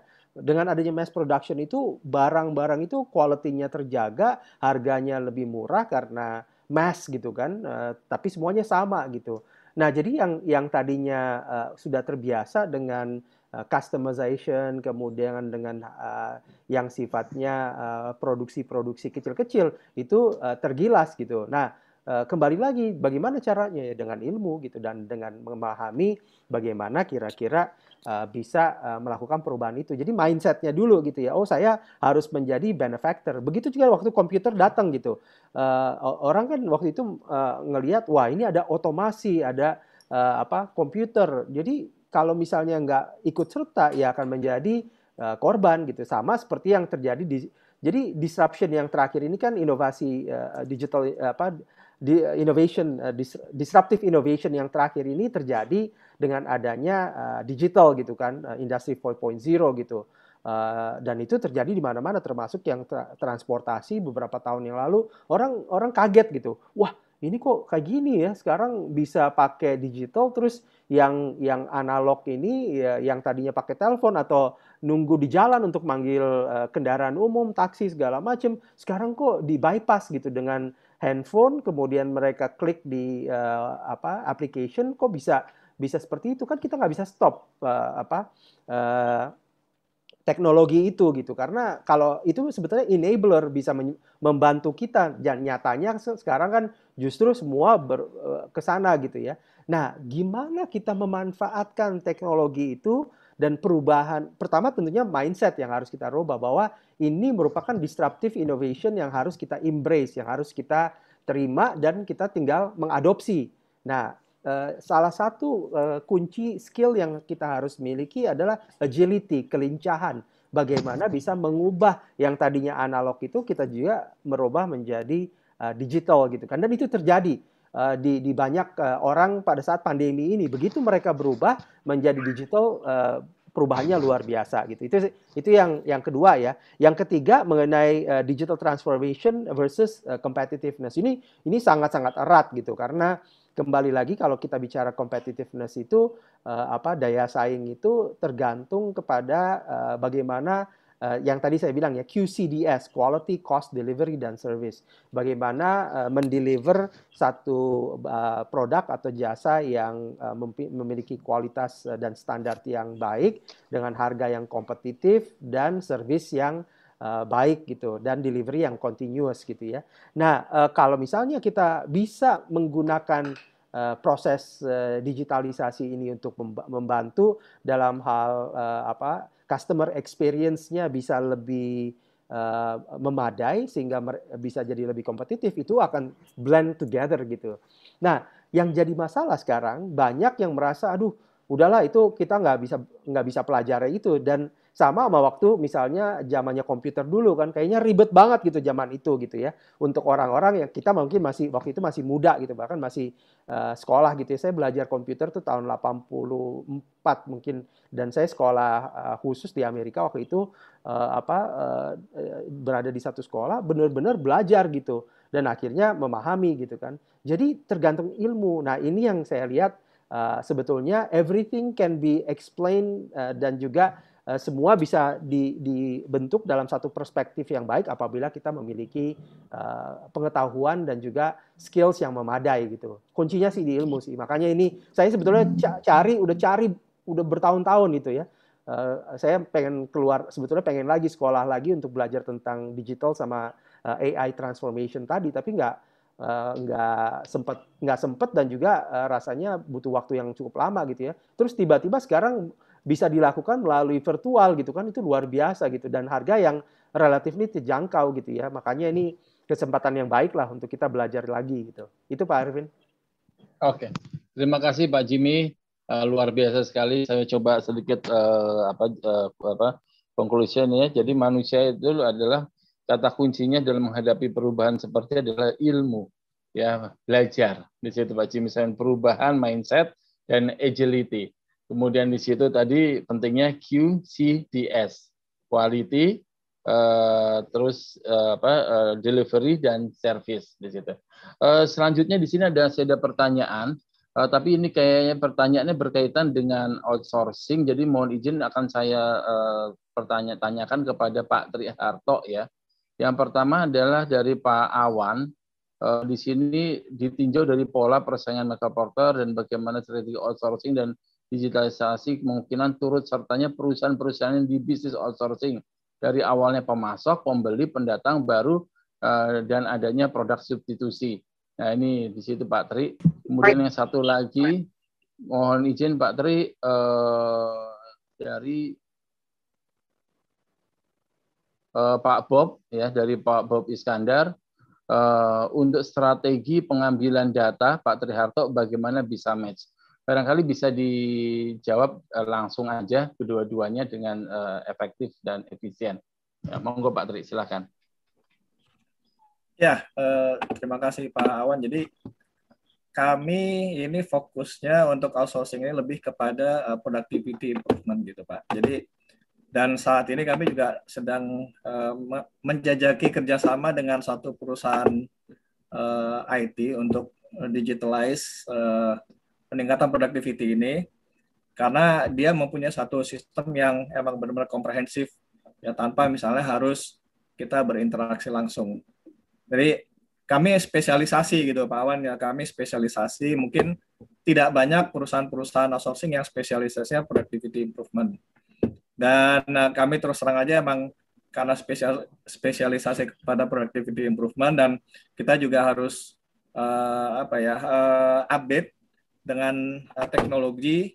Jadi saya rasa uh, kita mempunyai suatu market masing-masing yang tidak terlalu banyak uh, beririsan gitu Pak Awan. Jadi dalam hal ini kalau misalnya emang uh, produk uh, substitusi itu uh, menjadi pilihan dari masing-masing uh, klien atau masing-masing uh, perusahaan ya apakah mereka nanti uh, pertama mereka mau mengambil uh, teknologinya saja atau juga mengambil servis kami. Jadi kita usahakan uh, supaya update dengan uh, teknologi yang ada.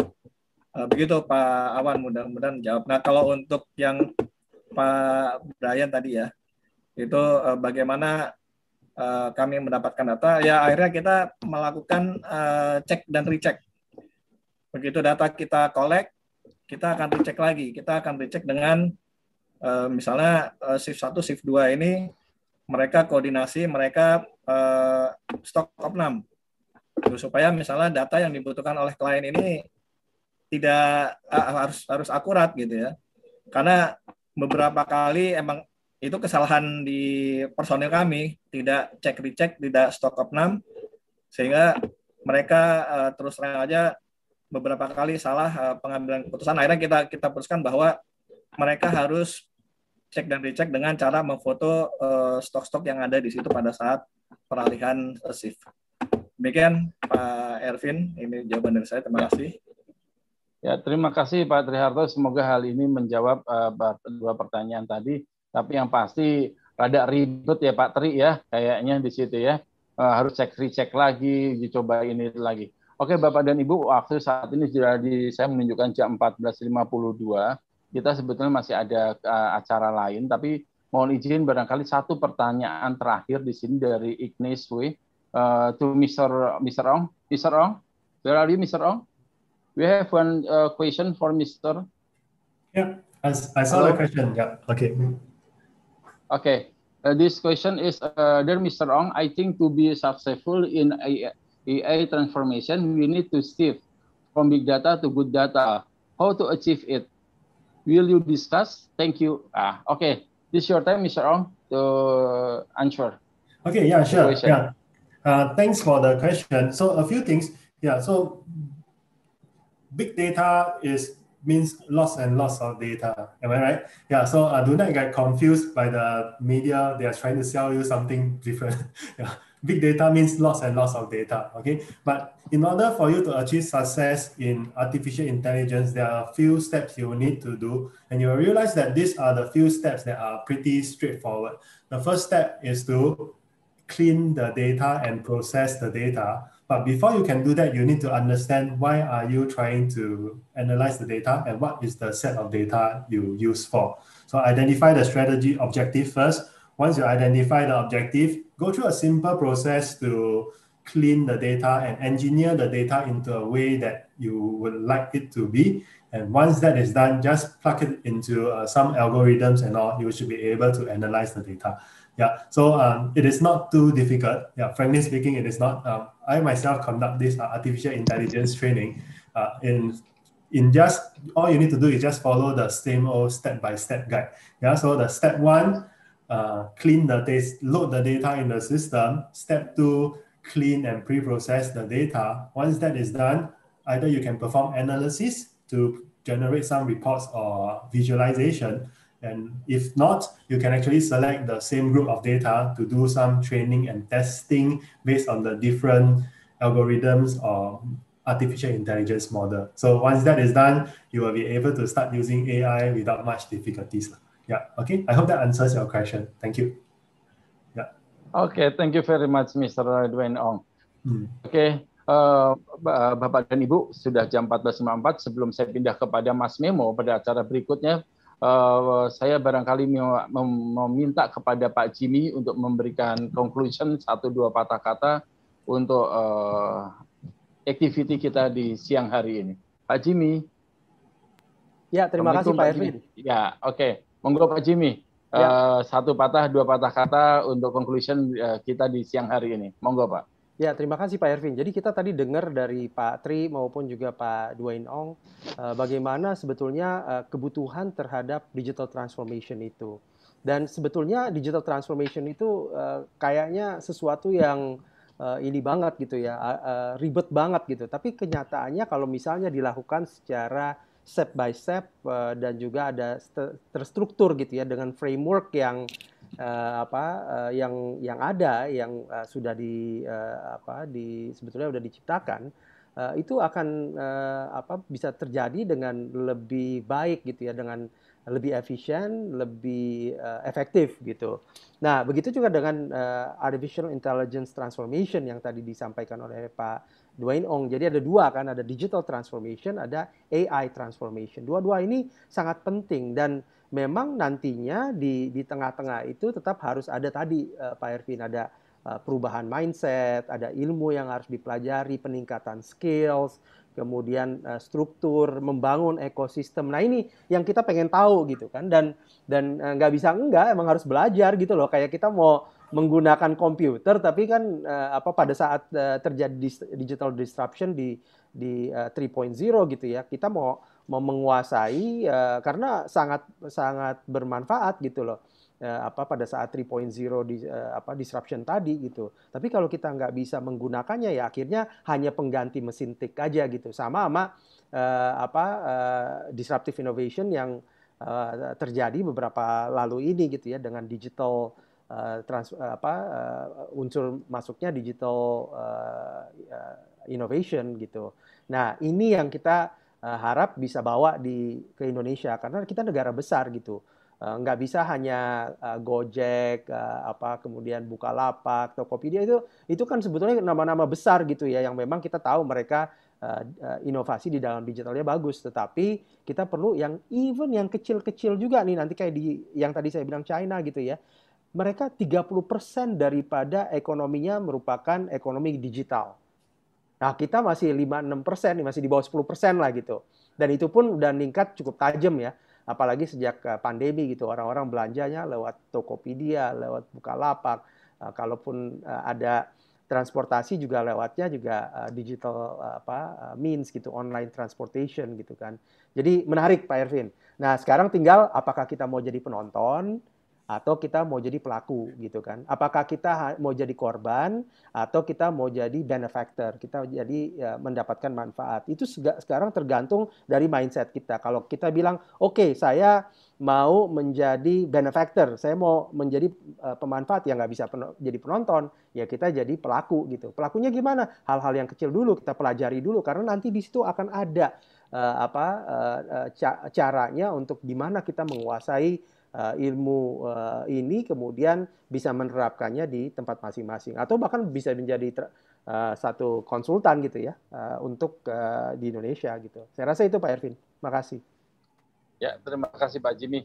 Ya, tadi Pak Jimmy sampaikan yang pasti, yang pasti, yang pertama yaitu kita harus mau belajar, kemudian kita perubahan mindset kita, kita membangun ekosistem step by step untuk melakukannya. Ya di situ dan kita di sini pertanyaan kembali adalah apakah kita mau jadi penonton atau kita di sini mau jadi pelaku. Ya, Bapak dan Ibu, teman-teman yang kami hormati dan kami muliakan, kami harap ya kita semua di sini bukan hanya sebagai penonton, tapi kita sebagai pelaku dalam proses transformation digital tersebut. Bangsa Indonesia membutuhkan kita semua dan kita membutuhkan ilmu untuk belajar. Terima kasih untuk para pembicara. Thank you very much Pak Jimmy Gani. Terima kasih Pak Triharto. Thank you very much Mr. Dwayne Ong. Ya, terima kasih atas paparannya yang luar biasa sekali. Dan mohon maaf jika ada kesalahan, kelepatan yang saya lakukan. Dan selanjutnya, uh, saya perserahkan kepada Mas Mimo sebagai host dan sebagai MC dari event yang luar biasa ini. Silakan Mas Mimo, saya kembalikan kepada Mas Mimo. Monggo. Baik, Terima kasih Pak Dr. Evin sudah memandu webinar hari ini dan berjalan dengan baik. Dan uh, belum selesai acara Bapak Ibu, kita meminta semuanya tetap stay di dalam Zoom. Masih ada acara selanjutnya yang akan kita lanjutkan. Dan hari ini juga tadi seperti info di awal bahwa selain webinar, hari ini juga kita akan melakukan peluncuran kerjasama JG Group dan Kasujol. Alhamdulillah, JG Group mendapatkan kehormatan menjadi mitra Kasugol untuk bersama-sama melakukan pelatihan-pelatihan di Indonesia terutama dengan standar internasional serta bersertifikasi internasional. Perlu kami jelaskan bahwa memang Kasugol ini tidak hanya bekerja sama dengan JG Group yang ada di Indonesia, melainkan juga sudah bekerja sama dengan berbagai negara. Sehingga pelatihan di Kasugol ini sudah lintas negara jadi buat Bapak Ibu yang sudah hadir di sini, satu kesempatan sekali untuk nanti bisa kita bersama-sama menjadi peserta dan tidak hanya ketemu dengan para peserta di Indonesia, tetapi pesertanya sudah lintas berbagai negara. Untuk memanfaatkan waktu dan serta peluncuran kerjasama ini, kami mengundang Bapak Jimmy Gani, founder JG Group, dan Mr. Duen Ong, CEO Kasugol, untuk tampil di layar.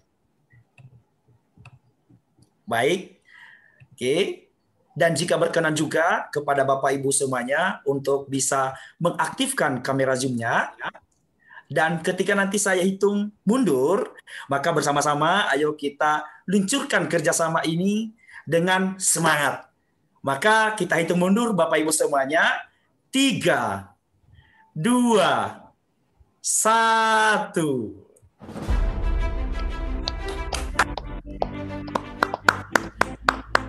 Terima kasih kepada Bapak Ibu semuanya dan selamat buat JG Group dan Kasugo Semoga kerjasama ini memberikan manfaat buat kita semuanya. Dan terutama buat Bapak Ibu yang ingin meningkatkan kapasitas yang lebih baik, ingin meningkatkan kapasitas perusahaan yang lebih baik, dan tentu semoga memberikan manfaat buat kemajuan bangsa dan negara Indonesia. Nah, Bapak Ibu, yang tadi itu yang didiskusikan dan, dan didiskusikan hari ini adalah baru sekilas tentang beberapa course dan course hari ini tentang digital. Nah, lalu pertanyaannya bagaimana kita bisa ikut atau ikut dalam webinar selanjutnya atau ikut sertifikasi internasionalnya. Nah, mohon izin sedikit memperlihatkan uh, oke, okay, baik. Nah, bagaimana caranya Bapak Ibu? Maka silakan cek website kita di orbitin.id. Mohon izin saya presentasikan. Ya. Di website orbitin.id dan langsung kepada menu event dan conference, maka di dalamnya sudah tersedia program-program dan saat ini course yang tersedia yang menjadi pertama saat ini adalah Certified Digital Transformation Professional. Ya. Jadi untuk course yang yang saat ini sedang kita kembangkan adalah Certified Digital Transformation Professional. Apakah hanya ini nanti course-nya? Oh tidak Bapak Ibu, akan banyak lagi nanti course-course yang akan kita masukkan dalam platform kita. Nah, di sini Bapak Ibu bisa memilih waktunya. Waktu-waktu tersendiri ada yang full time, ada yang part time. Di sini ada kita berikan tiga pilihan. Nah, berita baiknya Bapak Ibu bahwa sampai dengan tanggal 30 Juni jika Bapak Ibu sudah join, ya berita baiknya, kalau sudah join sampai 30 Juni, kita akan berikan special promo sebesar 40%. Sebesar 40%. Ya, jadi kalau dicek di sini, Bapak Ibu yang melihat ada berbagai kategori di dalam website orbitin.id dan di menu event dan di store semuanya tersedia. Jadi Bapak Ibu bisa melihat dan melihat kapan waktunya bisa serta mau uh, materinya seperti apa. Nah, berita baiknya spesial promo sampai dengan tanggal 30 Juni jika Bapak Ibu membeli uh, apa uh, sertifikasinya dan pelatihannya sampai dengan tanggal 30 Juni akan kita diskon sebesar 40%. Tetapi ternyata tidak hanya berhenti di situ Bapak Ibu. Lebih spesialnya lagi, dihitung hari ini sampai dengan 48 jam ke depan, artinya dua hari, kita akan diskon atau spesial promonya 50%. Nah, itu lebih spesial lagi Bapak Ibu ya. Jadi kita akan beri diskon atau spesial promo terhitung 48 jam ke depan, terhitung hari ini.